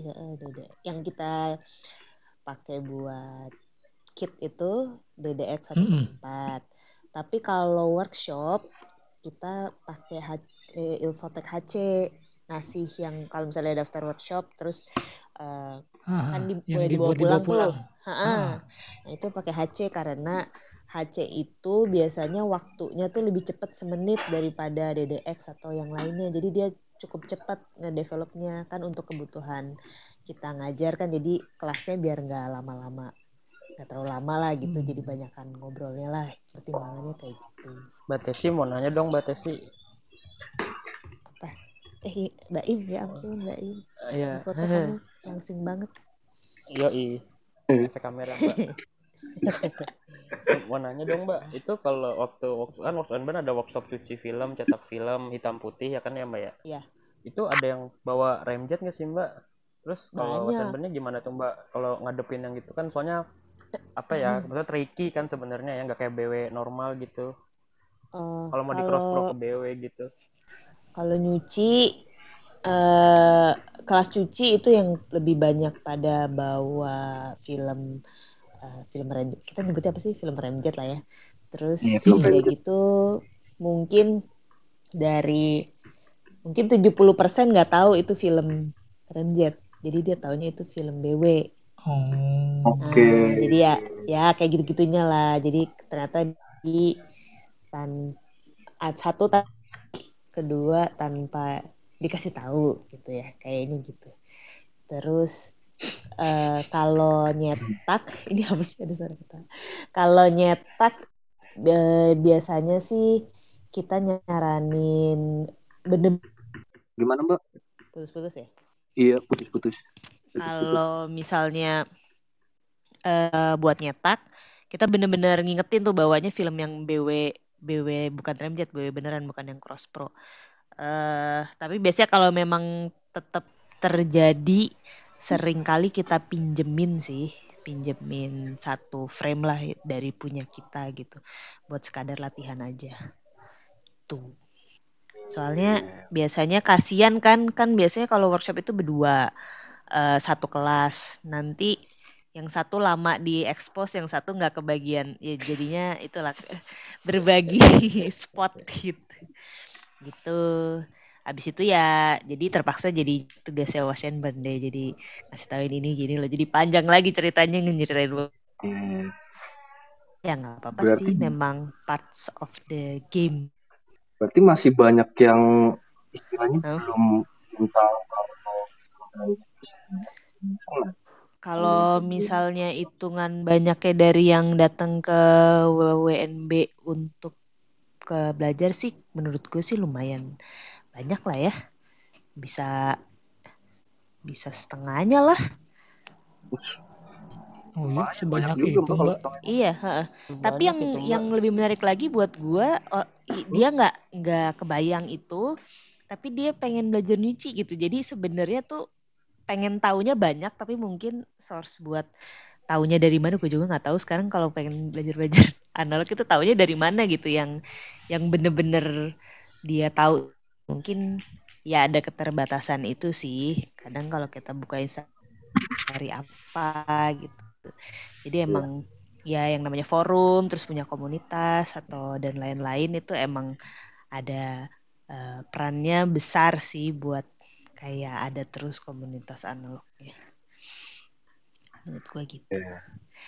Eh gue mau nanya, nggak tahu ini udah dibahas belum kan tadi gue ikutnya telat.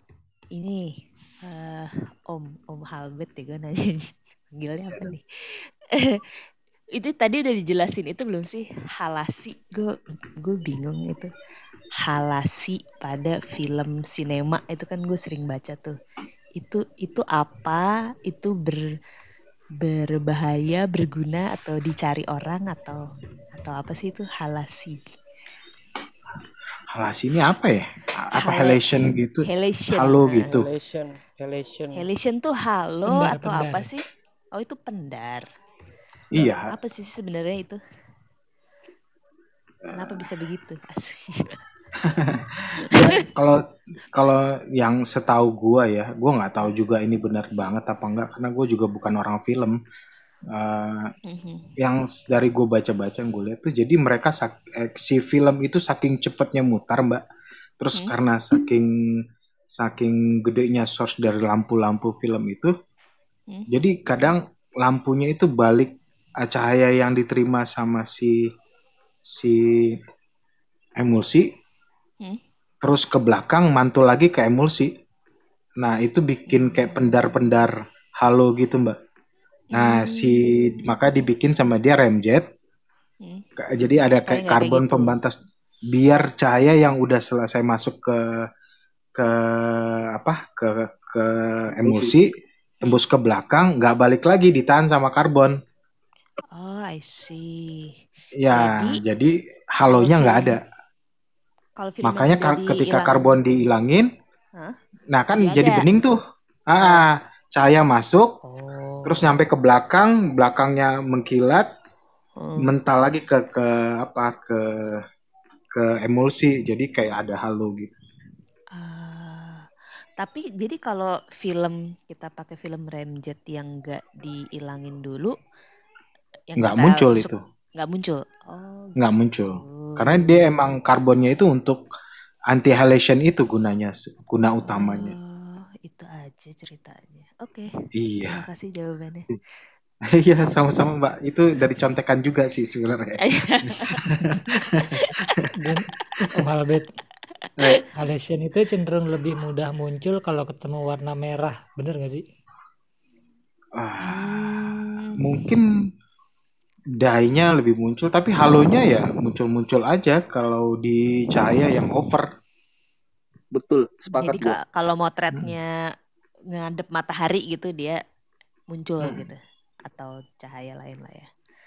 iya gitu-gitu Eh, cahaya yang over sih sebenarnya Iya, kalau tambahin dikit, gue Nah. pernah nyoba nyoba yang 50D-nya yang removal itu terus memang nggak kena eh, apa cahaya lampu merah itu. Nggak ada cahaya lampu merah tapi ada pendaran apa over over dari pantulan itu pun bisa menyebabkan apa tadi hal- halation halation gitu. Mm-mm. jadi kelihatan samar-samar gitu halationnya. Samar-samar merah. Itu sih paling Ini ini ada ada ada mau- profile picture-nya di bawah nih Tata. Itu halation kayak gitu kali ya? Ada kayak merah-merahnya di rambutnya. iya macam gitu Iya. betul betul Oh, wah Tata kamu Betul. halation. Oke oke. Beda sih itu lebih ke rim like ya Oh itu beda. ya tapi mirip-mirip lah mirip ya Novan ada yang mau ditanya? Halo, Bah- Mama. apa ya masa depan Remjet gimana? Apa harga yang bakal naik terus atau mungkin turun? Apakah stok di Interdelta bakal habis atau bakal mereka restock lagi yang tahun baru atau gimana? Waduh. Soalnya belum pernah sih ngerasain belum pernah sih ngerasain beli Remjet seharga lima ratus ribu kayak Mas Edi kan kemarin. Oh, ada Iya. yang oh jangan sedih, ada yang lebih murah lagi. Saya mau nanya Yon juga nih, ribu Yon. Ah, boleh. mau nanya juga nih, gue Nama sama alamat sebutin dulu. sama Alex. Jadi gini, mau nanya, kan Sinestro udah duluan apa ngeluarin film yang tanpa remjet ya. Terus di sini juga ada ngeluarin juga. Apakah formulanya sama ya? Terus gue nggak tahu sih kalau gue pernah nyuci film yang buatan Indonesia apa buatan Indonesia apa yang dijual di sini itu kalau Hmm. gue cuci ada ada yang kadang-kadang gitu kan tergantung yang ngerjainnya kan Eh, ada cap tangan kan jari apa eh, sidik jari terus ada yang kurang bersih rem jatuh nggak kena gitu nah kalau sinestel kan ba- banyakan masih bersih semua tuh rata-rata. Apakah formulanya sama atau enggak ya? Terus itu pertanyaannya buat Mas Halbert nih terus apa lagi ya? Jangan banyak-banyak. Barang kita lanjut lagi deh. Oh iya Oke. gue pernah ngilangin remjet pakai baking soda kalau nggak salah deh. Terus pernah jemur juga eh pernah dikeringin juga terus kayak gagal gitu sih warnanya jadi hilangnya lumayan hancur ya udah gitu aja deh Iya, eh, kalau kalau gue nggak bisa jawab apa yang dikerjain sama Cinestil ya, gue nggak tahu apa yang mereka lakuin gitu. Nah, cuman ya kalau proses di quality penghilangin remjet tadi udah gue sharing. Eh, mungkin dengar-dengar sih ada mereka punya kerjasama sendiri ya antara Kodak dan Cinestil, nggak tahu sistemnya seperti apa. Bahkan yang di Cinestil sekarang aja di tulisan negatifnya itu udah bukan Kodak lagi, udah Cinestil sekarang. Setahu gue sih kayak gitu. Tapi kalau untuk yang dikerjain sama kalau tipe buat ngilangin remjet ya sama aja pakai pribat yang dikeluarin sama si Kodak itu, yang tadi pakai borak, pakai sodium apa gitu, yang segala macem lah. Kalau gue ngerasa eh, bisa sih pakai baking soda sama itu ya. Cuman ya gue eh, kan itu alternatif pribet kalau di PDF-nya Om Ed Eh, Iya. ada alternatif pribet. Nah, gue lebih milih yang pakai yang boraks itu. Dia cuma butuh waktu 10 detik dan itu pun nggak pernah gue pakai benar-benar 10 detik karena gue yakin Iya, sedikit keras. banyak ah, keras dan itu akan mempengaruhi emulsi sih kalau gue bilang. Makanya semakin cepet ya lagian tujuannya cuma buat lembutin sih, cuman buat bikin lembut ya nggak benar-benar hilang juga buat sama dia gitu. Ya jadi gue nggak terlalu mengandalkan proses itu kalau di develop time di developnya ya. Dan gue masukin celupin nggak perlu agitasi, keluarin lagi juga udah cukup sebenarnya kalau gue sih. Oh, Nggak perlu oke. 10 detik juga. Thank you Mas Abed. Oh iya nanya, eh, kalau pribet itu awet nggak sih? Chemicalnya Pribet itu ada nih di rumah. ah, ah, ada kalau di gua sih ya kita pakai untuk sesuai kalau nggak salah gue pernah baca itu cuman buat 20 sampai 25 roll film ya. Ah, dan lagian itu kan kalau untuk ukuran lab nggak terlalu mahal jadi kita nggak nggak nggak pernah sampai batas waktu yang berapa lama gitu yes seminggu juga dua hari tiga hari juga ada harus bikin lagi gitu jadi gue nggak tahu tuh tahan berapa lama atau apanya gue nggak tahu juga karena kita nggak pernah sampai waktu waktu yang benar-benar itu soalnya nggak nyampe seminggu kita udah harus bikin lagi bikin lagi bikin lagi gitu. Oke. Nah, mumpung bahas mumpung bahas Sinestil nih, gue jadi inget kalau yang film Ramjet asli itu kan mereka tidak mencantumkan expiry date. Tapi begitu menjadi Sinestil itu mereka akan ada expired date dan kalau sudah lewat masanya hasilnya tuh akan eh, jelek lah jauh dari standarnya gitu. Jadi gue berpendapat bahwa oh salah satu rahasia kekuatan eh, kenapa nggak expired Hmm. karena kekuatannya di ramjet itu begitu ramjetnya ibaratnya bulu keteknya Samson dicukur dia kan kekuatannya itu hilang gitu. ya bisa jadi sih gue nggak tahu juga nggak pernah neliti juga Nah, kalau yang tadi Novan nanya, kalau itu kita kayaknya nggak tahu deh karena itu lebih kepada internalnya yang jual. Hmm. Tapi kalau gue Tergantung lihat sih stoknya memang makin sih. makin menipis. Stoknya makin sedikit mungkin. ya tak tak gue gue itu yang ada yang Oh iya, mau tadi diobrolin tak by the way tadi kata sih yang ngomentarin apa profile picture ini pakai 500 t yang dibeli di kalau tip. Eh, Iya. Ay segan ya Cucinya ECN 2 juga. ECM dua juga. Oke, oke, oke. Mau tanya nih Kalau yang tadi kan bahas Sinestil tuh. Kalau yang Sinestil yang 120 itu dia gimana ya? Dari dari apa ya ininya film? Itu aja sih. Oke. Kasih tak. Yuk. Kayaknya yang Sinestil 120 juga ini om ya. eh, bahannya sama juga ya maksudnya eh, dari film Ramjet yang 120 juga kan. Iya, gue nggak tahu. Kodak apa Ya, atau aja. apa gitu. Tapi kalau sinema kan emang ada yang 65 ya. Ada 6570 om kalau nggak salah ya. 6570 iya Ah. betul. Iya ada dua. Kalau Oh, Kodak masih tetap produksi sampai sekarang.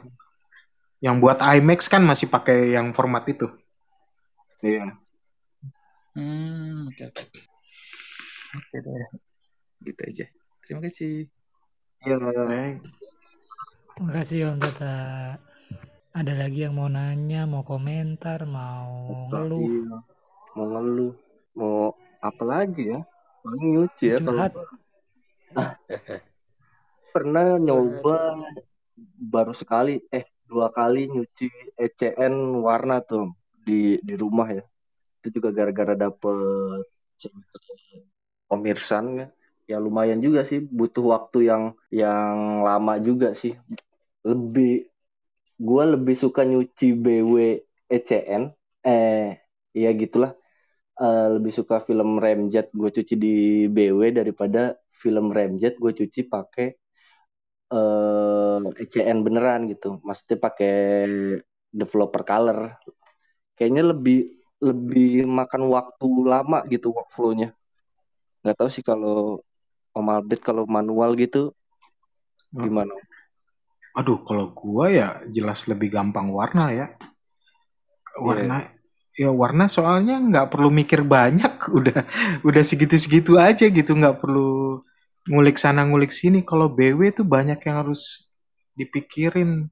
Salah sedikit beda waktu dan waktunya segala macam kan nggak ada yang ya apalagi nggak gua nggak gunain satu developer gitu loh.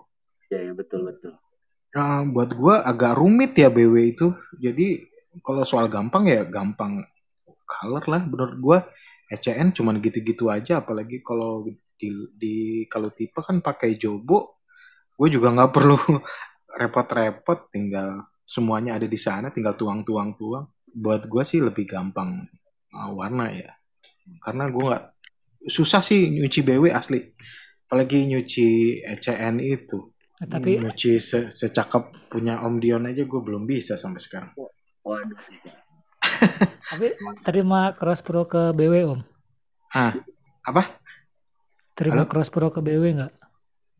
Ya, ya, ya, ya terima aja gitu. Ya kita nganggapnya nyuci BW aja, bukan cross proses. Karena setelah di dicoba beberapa kali nggak ada masalah dengan karena kita pakai develop develop BW kita itu cuman defaultnya ya rodinalnya Arif gitu.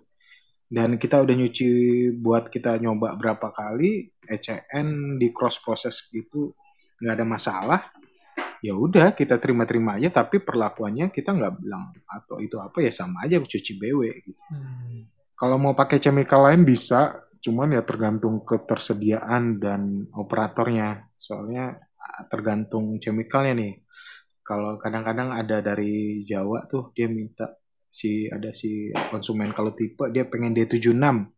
Hmm. Gua nggak ngerti soal D76 yang punya chemicalnya juga Toro, yang ahlinya Toro, Toro tuh udah matang banget di D76. Ya kita tanya Toro, lu mau nyuci nggak? Kalau mau nyuci, ini ada yang minta D76. Eh, dia bilang gue males katanya atau gue lagi ada perlu nih. Ya kita bilang sama konsumennya "Kita- nggak bisa gitu. Gitu deh. Ya gitu deh. Gitu. Atau dia minta fire Pyro X gitu. Toro nggak akan mau nyuci karena apaan gue chemical nggak jelas kata Toro. Ya, ya akhirnya gue yang nyuci gitu karena chemical gue ya gitu-gitu deh. Tapi defaultnya Rodinal kalau orang nggak ada minta request apa-apa semua kita pasti cuci dengan Rodinal Oh defaultnya Rodinal ya Om. Ah, ah, kecuali emang setelah kita lihat filmnya aneh nih. Dan terus kita browsing nggak direkomendasiin buat Rodinal ya udah. Baru deh tuh kita mulai operatornya pusing nelponin Toro. Nggak nelpon nggak nelponin gua gua nggak ngerti deh.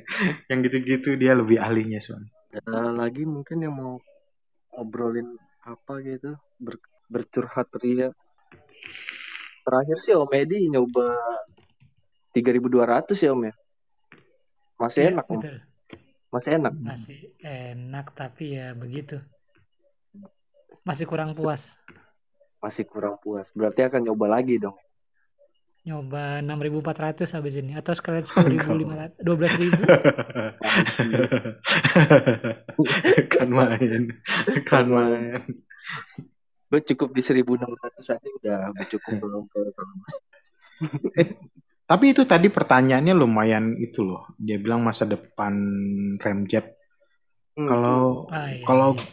kalau Dapat. gue bilang ya kalau orang bener-bener nanya yang serius harusnya sih masa depan remjet itu lebih bagus daripada film stok ya karena dia emang kebutuhan orang motret sekarang tuh untuk cetak itu kayaknya nggak terlalu aware gitu loh. Jadi lebih banyak peruntukannya untuk di scan, untuk postingan dan segala macem. Kalau dari logika berpikir gue sih, kenapa nggak pakai yang film benar-benar khusus untuk di scan gitu? Apalagi eh, pengembangan cem, apa emulsi di di di Fuji aja kemarin tuh, dia mengklaim kalau yang emulsi yang baru itu lebih optimal untuk di scan daripada eh, yang sebelumnya apa sih? Yang cross cross itu? Across. ya Bukan cross. ya ah, Across 2 berarti Om. iya.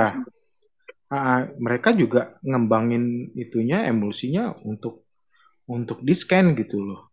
Karena emang kebutuhan pasarnya seperti itu lagian ini kan industri ya. Hmm. kalau menurut perkiraan gua sih logika gua ya remjet eh, dalam arti kata emang film ditujuin untuk di scan harusnya sih masih cukup cerah ya. Dan kalau tapi kalau nanyain remjet murah ya itu susah. Remjet murah karena yang itu udah stok lama gitu. Dia juga bagaimana caranya ini habis aja kan. Dan setelah ini anak teman-teman semua pada bisa nyucinya dulu pas nggak ada orang bisa nyucinya harganya nggak nggak bisa ditebak nggak ada harganya malah dia ngasih ngasihin ke orang malah. Pas anak-anak udah sharing cara nyucinya gimana dan semua orang bisa nyucinya dan semakin butuh itu akhirnya ya film nggak laku itu jadi mahal sekarang. Ya wajar aja karena emang lu beli film BW sekarang paling murah berapa? 80 ribu ada nggak film 80 ribu sekarang BW Udah nggak ada kayaknya 80 ribu. iya Sang- Shanghai GP berapa tuh? Terakhir gua udah nggak lihat juga. Ah, nah kalau dia jual 50 dia jual dengan harga sekarang kan orang ter- terpaksa jual dengan harga 60 50 kan. Ya masih masuk akal lah sebenarnya sih. Kalau untuk itu. Dan tapi kalau dia terus-terusan naikin harga ya ngapain beli film dia kita juga ngapain beli ya beli aja yang fresh gitu. Ya, yang re- remjet freshnya juga ada yang jual 80 90 ribu kan? Iya betul. Heeh. dia juga nggak bisa semena-mena sih ngeluar naikin harga. Nanti nggak ada juga yang beli film dia ngapain juga dia? Ya, itu makanya gue kalau misalnya ini ah itu remjet gue nyebutnya remjet basi ngapain lo cuci warna kalau gue ya itu Nah. bisa jadi film BW bagus loh dengan harga murah ya dengan harga segitu lo dapat film BW yang fleksibel kalau menurut gue gitu tapi kan balik lagi ya kebutuhan sama selera orang beda-beda Iya, kita kita pakai aja fungsinya dengan estetikanya sendiri gitu loh. Alasan alasan kita pakai Kodak Vision tuh apa sih? Ap- kenapa gitu? Kan ada macam-macam orang milihnya gara-gara dia emang harganya murah. Terus karena ada emang pengen ngulik prosesnya emang unik gitu loh. Terus karena emang ada yang orang-orang lama pengen nyobain karena emang baru tuh buat mereka. Zaman dulu nggak ada motret pakai remjet. Ngapain juga kan? Nggak tahu juga caranya gimana ngilangin remjet dan segala macam. Terus ada alasan yang paling penting menurut gua karakteristiknya kan eh, memang film itu bakal ngasilin gambar yang mirip dengan film loh, dengan sinema. Itu Betul. itu kan poin penting banget gitu loh. Lu nggak perlu effort macam-macam bikin foto yang sinematik. Lu pakai aja film Ramjet, hasilnya sinematik. Lu pengen lu pengen pengen gambar lu mi- mirip uh, film Dono yang yang karatan dan segala macam ya pakai aja tuh yang expired mirip banget kok dengan coba aja buka YouTube film Dono gitu. Lu Iya. bandingin dengan hasil scan-nya sama aja men. Iya kan? Ya kita bisa bangun story dari situ sebenarnya gitu. Mau kita mau thread apa gitu. Terus eh, ya itu tadi emang dipakai untuk untuk diupload. Kalau sekarang kalau dulu kan di di di scan buat di proyektor ya. Kan karena emang emang basicnya untuk direproduksi di, di scan ya gue rasa untuk penggunaan zaman sekarang untuk upload dan segala macam kayaknya ngapain juga eh ya ya emang lebih tepat pakai itu ya apalagi kalau ya cuma justru aneh kalau kita bawa film yang untuk di scan terus kita paksain untuk dicetak ya kita pengen prosesnya aja yang ribet-ribet tapi ya jangan protes juga karena kita emang udah salah menggunakannya gitu itu pendapat Ya, gue ya sorry sorry sorry Memaksimalkan yang murah om. nah itu dia itu dia. Sama karakter sih setuju gua karakter karakter. Gak tau ya kalau BW Cinema dicetak wet print dengan film dia yang film BW bener cetak wet print ya menurut gue emang karakternya juga beda sih putihnya Iya. dia eh, Putihnya beda, zona zona abu-abunya dia juga emang beda sih walaupun emang effortnya jadi kita buang waktu aja gitu lebih lama dari yang lain. Ya konsekuensinya kan kita eh, itu Iya. tadi kenapa kita pakai dia gitu. Kita kita pakai Kodak Vision kenapa gitu. Alasannya apa ya kita tentuin dulu kalau udah itu ya tinggal terima konsekuensinya. kita pakai yang expired terus kok ada karatan nih gitu. Eh kok ini apa? Udah kita kita beli yang eh, kayak tadi tuh yang eh, remjetnya udah dibuang. Kok ada sidik jarinya ya? kok ada karatannya ya itu film yang dikerjain tidak sesuai maksud gua ya udah ulikan gitu ya film eksperimen dikerjain manual orang yang ngerjain errornya banyak ya resikonya beli film eksperimen ya itu kita harus sadar banget itu jadi nggak usah ya kalau nggak suka ya nggak usah beli lagi gitu itu aja sih Iya, iya, iya. Ilham, ada yang mau ditanya, Ham? Halo, halo. Iya, Assalamualaikum. Mau nanya, kalau misalkan film Ram- Ramjet kan beredarnya udah banyak banget kan di, di Indonesia lah gitu kan. Terus kalau misalkan sebagai konsumen nih, misalkan mau nyimpen cara penyimpanan dari film Ramjet tuh gimana sih? Maksudnya kayak ditaruh di kulkas lah atau ditaruh di kamar aja juga nggak apa-apa untuk jangka waktu yang lama. Soalnya kan mengingat si Ramjet ini nggak ada kepastian dari ini ya kan expired date-nya atau gimana. Kan kita nggak tahu. Gimana tuh? Taruh di kulkas gua aja, nggak apa-apa. kulkas kalau tipe juga boleh tuh udah mulai kosong soalnya Kalau itu banyak banget kulkasnya. Isi kulkasnya banyak banget. udah mulai tipis tuh gua remjetnya nggak kuat belinya mahal banget ya Iya. Gimana Om? Gimana Om?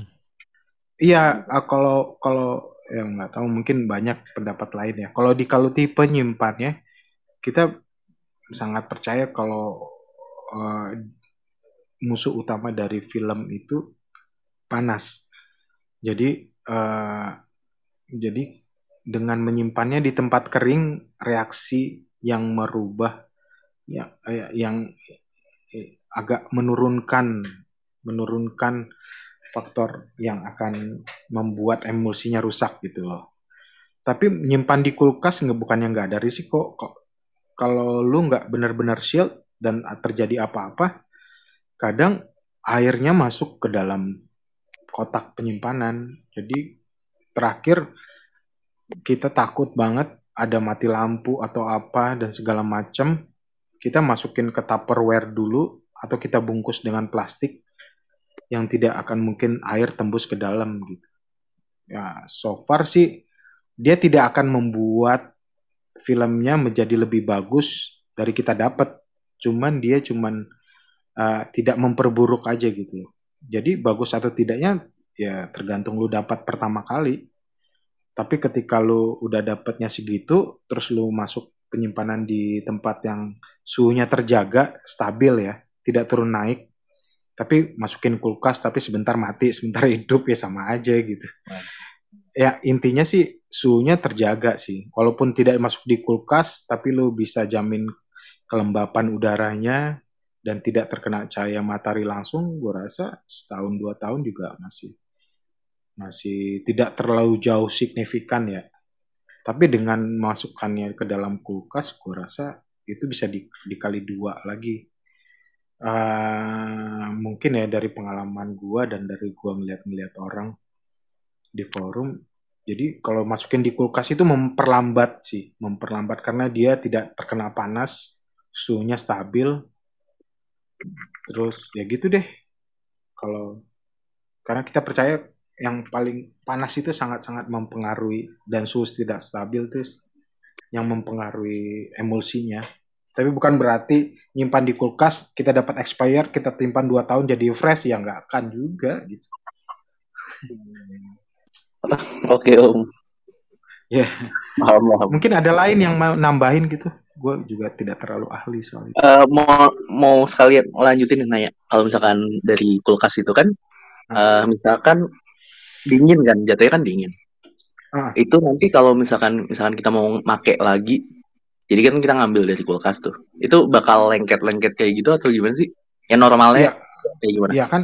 Ya jadi kan dia suhunya dingin tuh di kulkas. Iya. Sementara kan ada faktor kelembapan dan segala kalau kita sih biasanya kalau gua terutama setelah dari kulkas nggak akan gue langsung masukin ke dalam kamera. Gue lebih sayang kamera gue daripada filmnya ntar kalau hmm. tiba-tiba dia bikin jamur di lensa gue gara-gara ada ada kelembapan yang nggak sesuai gitu. Jadi setelah dari kulkas gue biasa taruh di luar sampai suhunya sama dengan suhu ruangan baru gue masukin ke dalam kamera. Oke oke. Ya. oke deh. Sekian pertanyaan dari saya. Oke okay, thank you thank you. Eh nggak nunggu ya. jawaban dari yang lain mungkin ada yang lebih. Oh ya boleh boleh. Kalau ada mau yang lain.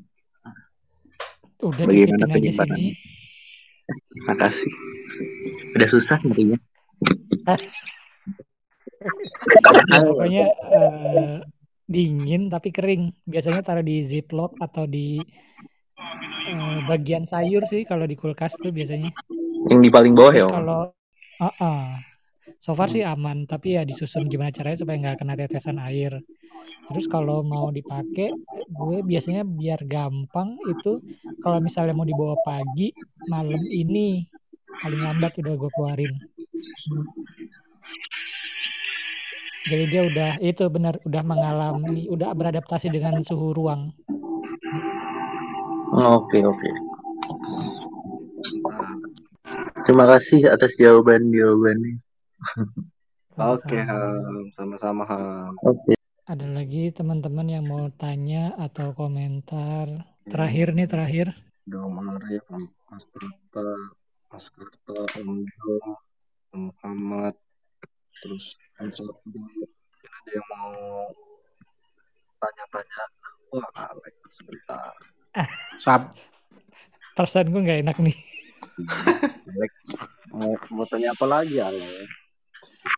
Ini kita obrolan sim-sim aja. Enggak Kan film Kodak Vision itu kan lagi naik tuh. Udah sejuta. Berapa ya? Berapa Om? Om Edi? 1599.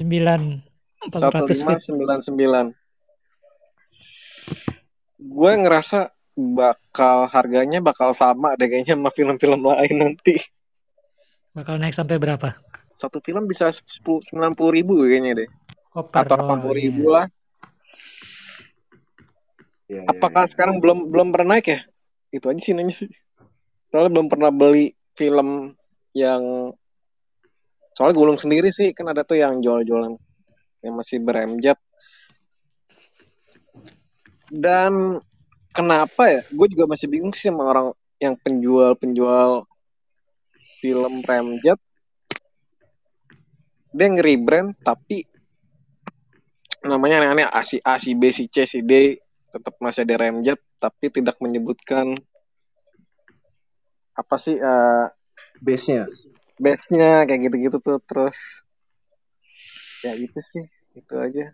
Terus juga kayaknya ada pernah ada yang bingung- kebingungan juga sih kayak yang non non remjet nggak konsisten dia ada yang kadang-kadang 250 D yang kadang 200 T ganti-ganti itu sih Oke. Om lah. Halbert gimana Om kira-kira Apa nih? kan pernah jualan juga kalau kalau tak berapa sih Ah. sekarang film remjetnya Sepuluh ribu. empat puluh ribu ya? Ah, ah, di Bandung 35 oh Tiga lima. buat yang datang offline. Lagi promo aja buat biar orang datang gitu ke lab. Eh, kalau kenapa orang ganti ya gue juga nggak tahu gue. Kalau kita kemarin ganti nama jadi monokrom karena kita tuh buat gaya-gayaan aja terus kita pilih yang cross proses menurut kita yang paling paling kita suka nih tipe ini gitu loh. Terus buat lucu-lucuan aja buat monokrom gitu. Tapi kita konsisten di yang itu. Kenapa kita nggak keluarin nama 250D karena emang bukan gambar 250D yang dihasilinnya gitu. Dia udah jadi BW ini. Tapi bukan berarti gue bilang ini film BW di tempatnya kita juga tulis bahwa base-nya emang Kodak Kodak Cinema gitu dan film color. Kalau orang nanya ke kita juga ini film Kodak Vision.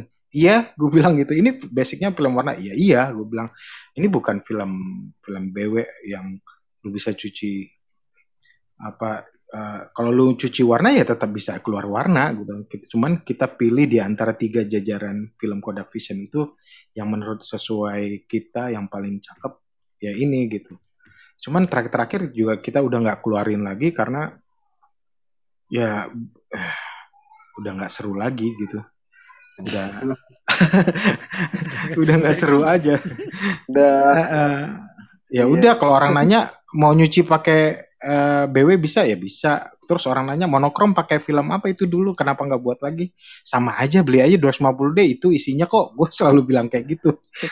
Orang-orang gitu. sekarang kan penjual-penjual itu lebih ke kanisternya ya sekarang sama Iya. bahannya juga.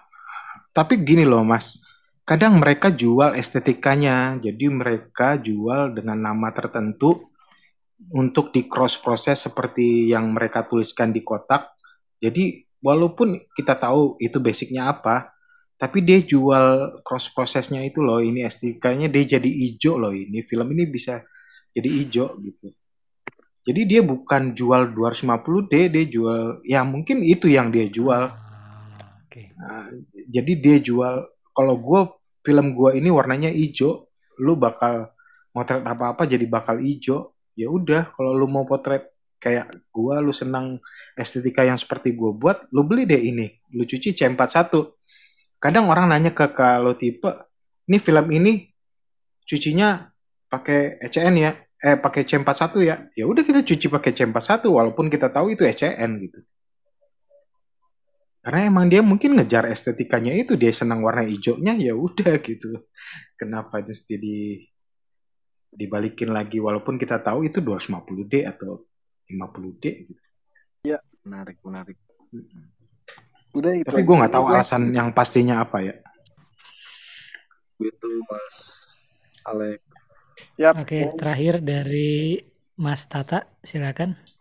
Kalau ya, eh, ya kan pernah baca- baca-baca soal, Anda tadi kan bahas soal rebrand gitu ya, ada namanya Silver Cell 35. Jadi, Iya. jadi dia itu apa? Katanya memang dari eh, Fresh Edition 3 itu. Nah, jadi dia sistemnya itu setelah beli film di dia nanti prosesnya dikembaliin ke dia lagi. Karena dia itu memang eh, kayak eh, apa namanya tempat mo- apa film buat motion picture gitu. Dan di scan-nya pun dengan scanner yang buat film itu. Nah saya mau tanya menurut kakak-kakak sekalian ini gimana uh, soal itu dan dan uh, apa sih signifikansinya untuk uh, kayak gitu tuh untuk uh, dicuci di mesin film juga dan di scan di situ. Mungkin kalau ada yang punya kenalan pernah nyoba di situ, apakah ada bedanya begitu? Terima kasih. Oke. Gue boleh jawab dulu nggak?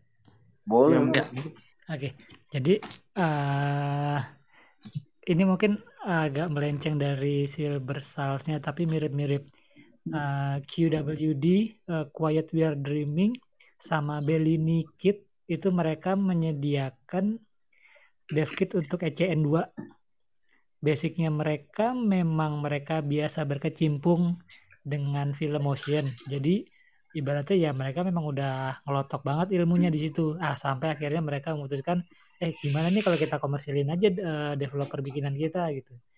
Uh, menurut gue kalau memang dari awal kan kita udah ngomong film sinema ini uh, Kodak Vision 3 ya memang dilahirkan untuk diproses dengan ACN 2. Jadi kalau memang Silver Stars jualannya bundling dengan development dan scan ya cocok banget memang sudah apa ya kitahnya tuh apa ya kita memang sudah kodratnya dia untuk di situ gitu.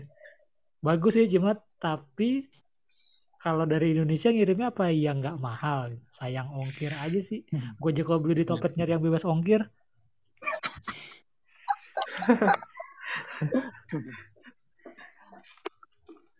Iya iya. Mungkin Om ya, Albert ya. Dion atau Mbak Tesi atau yang lain? Kalau gue sih mungkin dari si super super siapa sih? Super 35 itu pengen pengen konsistensi hasilnya aja sih mungkin ya. Uh, karena itu dia tahu filmnya dia, apa brandingnya dia, dia tahu kitnya dia, apa developernya dia dengan cara scannya dia. Jadi dia pengen pengen bikin lebih terjaga aja mungkin. Mungkin kalau menurut gue sih kalau dari dari segi bisnis ya. Oh, kalau dari kalau tipe sih sebenarnya kita percaya banget nggak ada itu persaingan antara masing-masing lab ya. Jadi kita apalagi kaum minoritas gitu yang mutret film komunitas kecil banget dan kodaknya sendiri ngeluarin resep itu nggak satu gitu loh. Ada ada ada nah, alternatif. Iya, alternatif pribet, alternatif developer, Bleach-nya aja ada empat apa tiga gitu. Hmm. Belum lagi kalau orang sinema itu sendiri kadang dia pakai nggak pakai dipisah, ada yang pakai Blix. Kalau nggak salah tuh Bell ini pakai Blix ya. Eh, yang QW Lab deh, Q, salah. Uh, QED itu. Ya, uh, ya itu pasti karakternya beda juga hasilnya gitu. Jadi tinggal konsumennya aja sih milih. Kalau dia seneng ke kalau tipe ya cuci ke kalau tipe gitu. Atau nyuci di tempat lain yang ya mungkin menurut dia itu lebih bagus ya kita juga mau ngomong apa gitu. Karena kita sendiri juga nggak pakai chemical yang benar-benar keluaran dari Kodak untuk nyuci remjetnya gitu. Kita bikin sendiri pasti beda lah dengan dengan aslinya belum mereknya beda. Satu masing-masing ingredient pasti beda. Hmm. pengaruhnya gitu beda. Kita beli ganti merek borak aja kita cari timing baru lagi gitu loh. Iya, iya, apalagi. gitu maksud gue nggak nggak bisa lah nggak lu nggak ada kalau apalagi ini chemicalnya kita bikin sendiri ya. Maksud gue ya nggak ada lah benar atau salah tinggal lu aja senangnya sama siapa ya udah di situ aja gitu. Makanya aku bilang aneh juga kalau ada orang ngerasa masih lab ini sama lab itu musuhan ya. Gue gue gue ngerasa itu aneh banget gitu. Malah harusnya nggak nggak ada musuhan ya mas ya? Biar iya maksud gue ya. Ah, ah, makanya nggak ada yang terbaik sih maksud gue mungkin kalau dari segi kalau tipe ngelihatnya ya kalau ada konsumen gue pindah ke mana ke mana atau apa gitu ya nggak apa-apa. Mungkin dia lebih suka karakteristiknya di sana gitu. Di sana lebih kinclong lebih rapi gitu lebih warna lebih eh, lebih bener gitu. Menurut dia ya kita sah-sah aja gitu. Iya. Jatuhnya serak-serakan aja gitu ya mas ya. iya ah, menurut gua lebih ke lebih ke estetika ya. Dan si yang orang tadi bilang yang dia ganti namanya menjadi film apa gitu. Terus dia cuci dengan resepnya dia sendiri. Nah dia bakal punya kasih garansi lu bakal punya karakteristik seperti ini. Kalau lu suka lu bayar dong effort gua gitu. Itu deh. Padahal ya kita tahu juga dia nyuci dia motret pakai Kodak Vision juga nyucinya CN2 juga tapi jangan salah ya CN2 juga bisa macam-macam gitu Terima kasih. Thank you. Oke, kayaknya eh, udah cukup kali ya udah udah dua jam nih kita ngobrol iya nggak terasa Nggak Merasa. seru seru seru seru banget Eh, makasih Om Halbert Mbak Iya. Desi dan teman-teman semua yang udah dengerin dari tadi udah kasih pendapat udah nanya udah ikut ngobrol. Eh abis ini hasil rekamannya kalau masih penasaran atau pengen dengerin lagi gimana sih cara ngilangin remjet yang tadi? Gue pengen coba di rumah. Nanti akan kita naikin eh, file audionya jadi podcast. Ditunggu aja di akun kalau tipe dan frames and frames. Oke. frames and frames. Kok gue salah sih? Typo typo sih? Om Thank you, Albert thank you, Om. ada penutup buat malam ini Nggak ada, gue udah terlalu banyak ngomong kayaknya nih. jangan, pokoknya penutupannya jangan terlalu percaya sama gue aja. ah ya Gue ntar Eh, ke depannya nanti gue mau ngomporin Toro biar install Clubhouse, jadi biar dia iya jadi. dong biar Aduh, rame. biar makin banyak dong. Iya. buat teman-teman Eh, kalau ada ide- yang iya. Ide mau bahas mau apa gitu? bahas bahas gue dong misalnya. Ya udah DM aja. Iya, betul. DM aja ke kalau bahas komposisi atau bahas cuci film sendiri Sip, sip. Eh, gimana sih? Apa Bang Alex? Ini dong bahas ada ide nih bahas eh, kamera analog yang semakin mahal.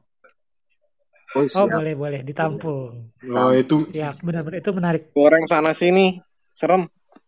ah, Tata tuh Tata kayaknya perlu tuh kita kita tarik ya nanti ya Iya, untuk sebagai pembicara nanti. Boleh, Oke, boleh. siap. Boleh Siap, ditampung siap. Pengen ya, tahu Bang. kenapa penyebabnya mahal gitu. Iya, siap. Karena impor dari Jepang. Yaudah. Oke, sekali lagi terima kasih sama Albert udah Ya sama-sama berbagi ilmu Dion. eh, Dion dan yang lain-lain teman-teman semua. eh buat yang masih pengen tanya, boleh kali Om ya mau japri gitu. eh gue waktu remove frame atau gue waktu nyuci kok jadi begini jadi begitu. Gua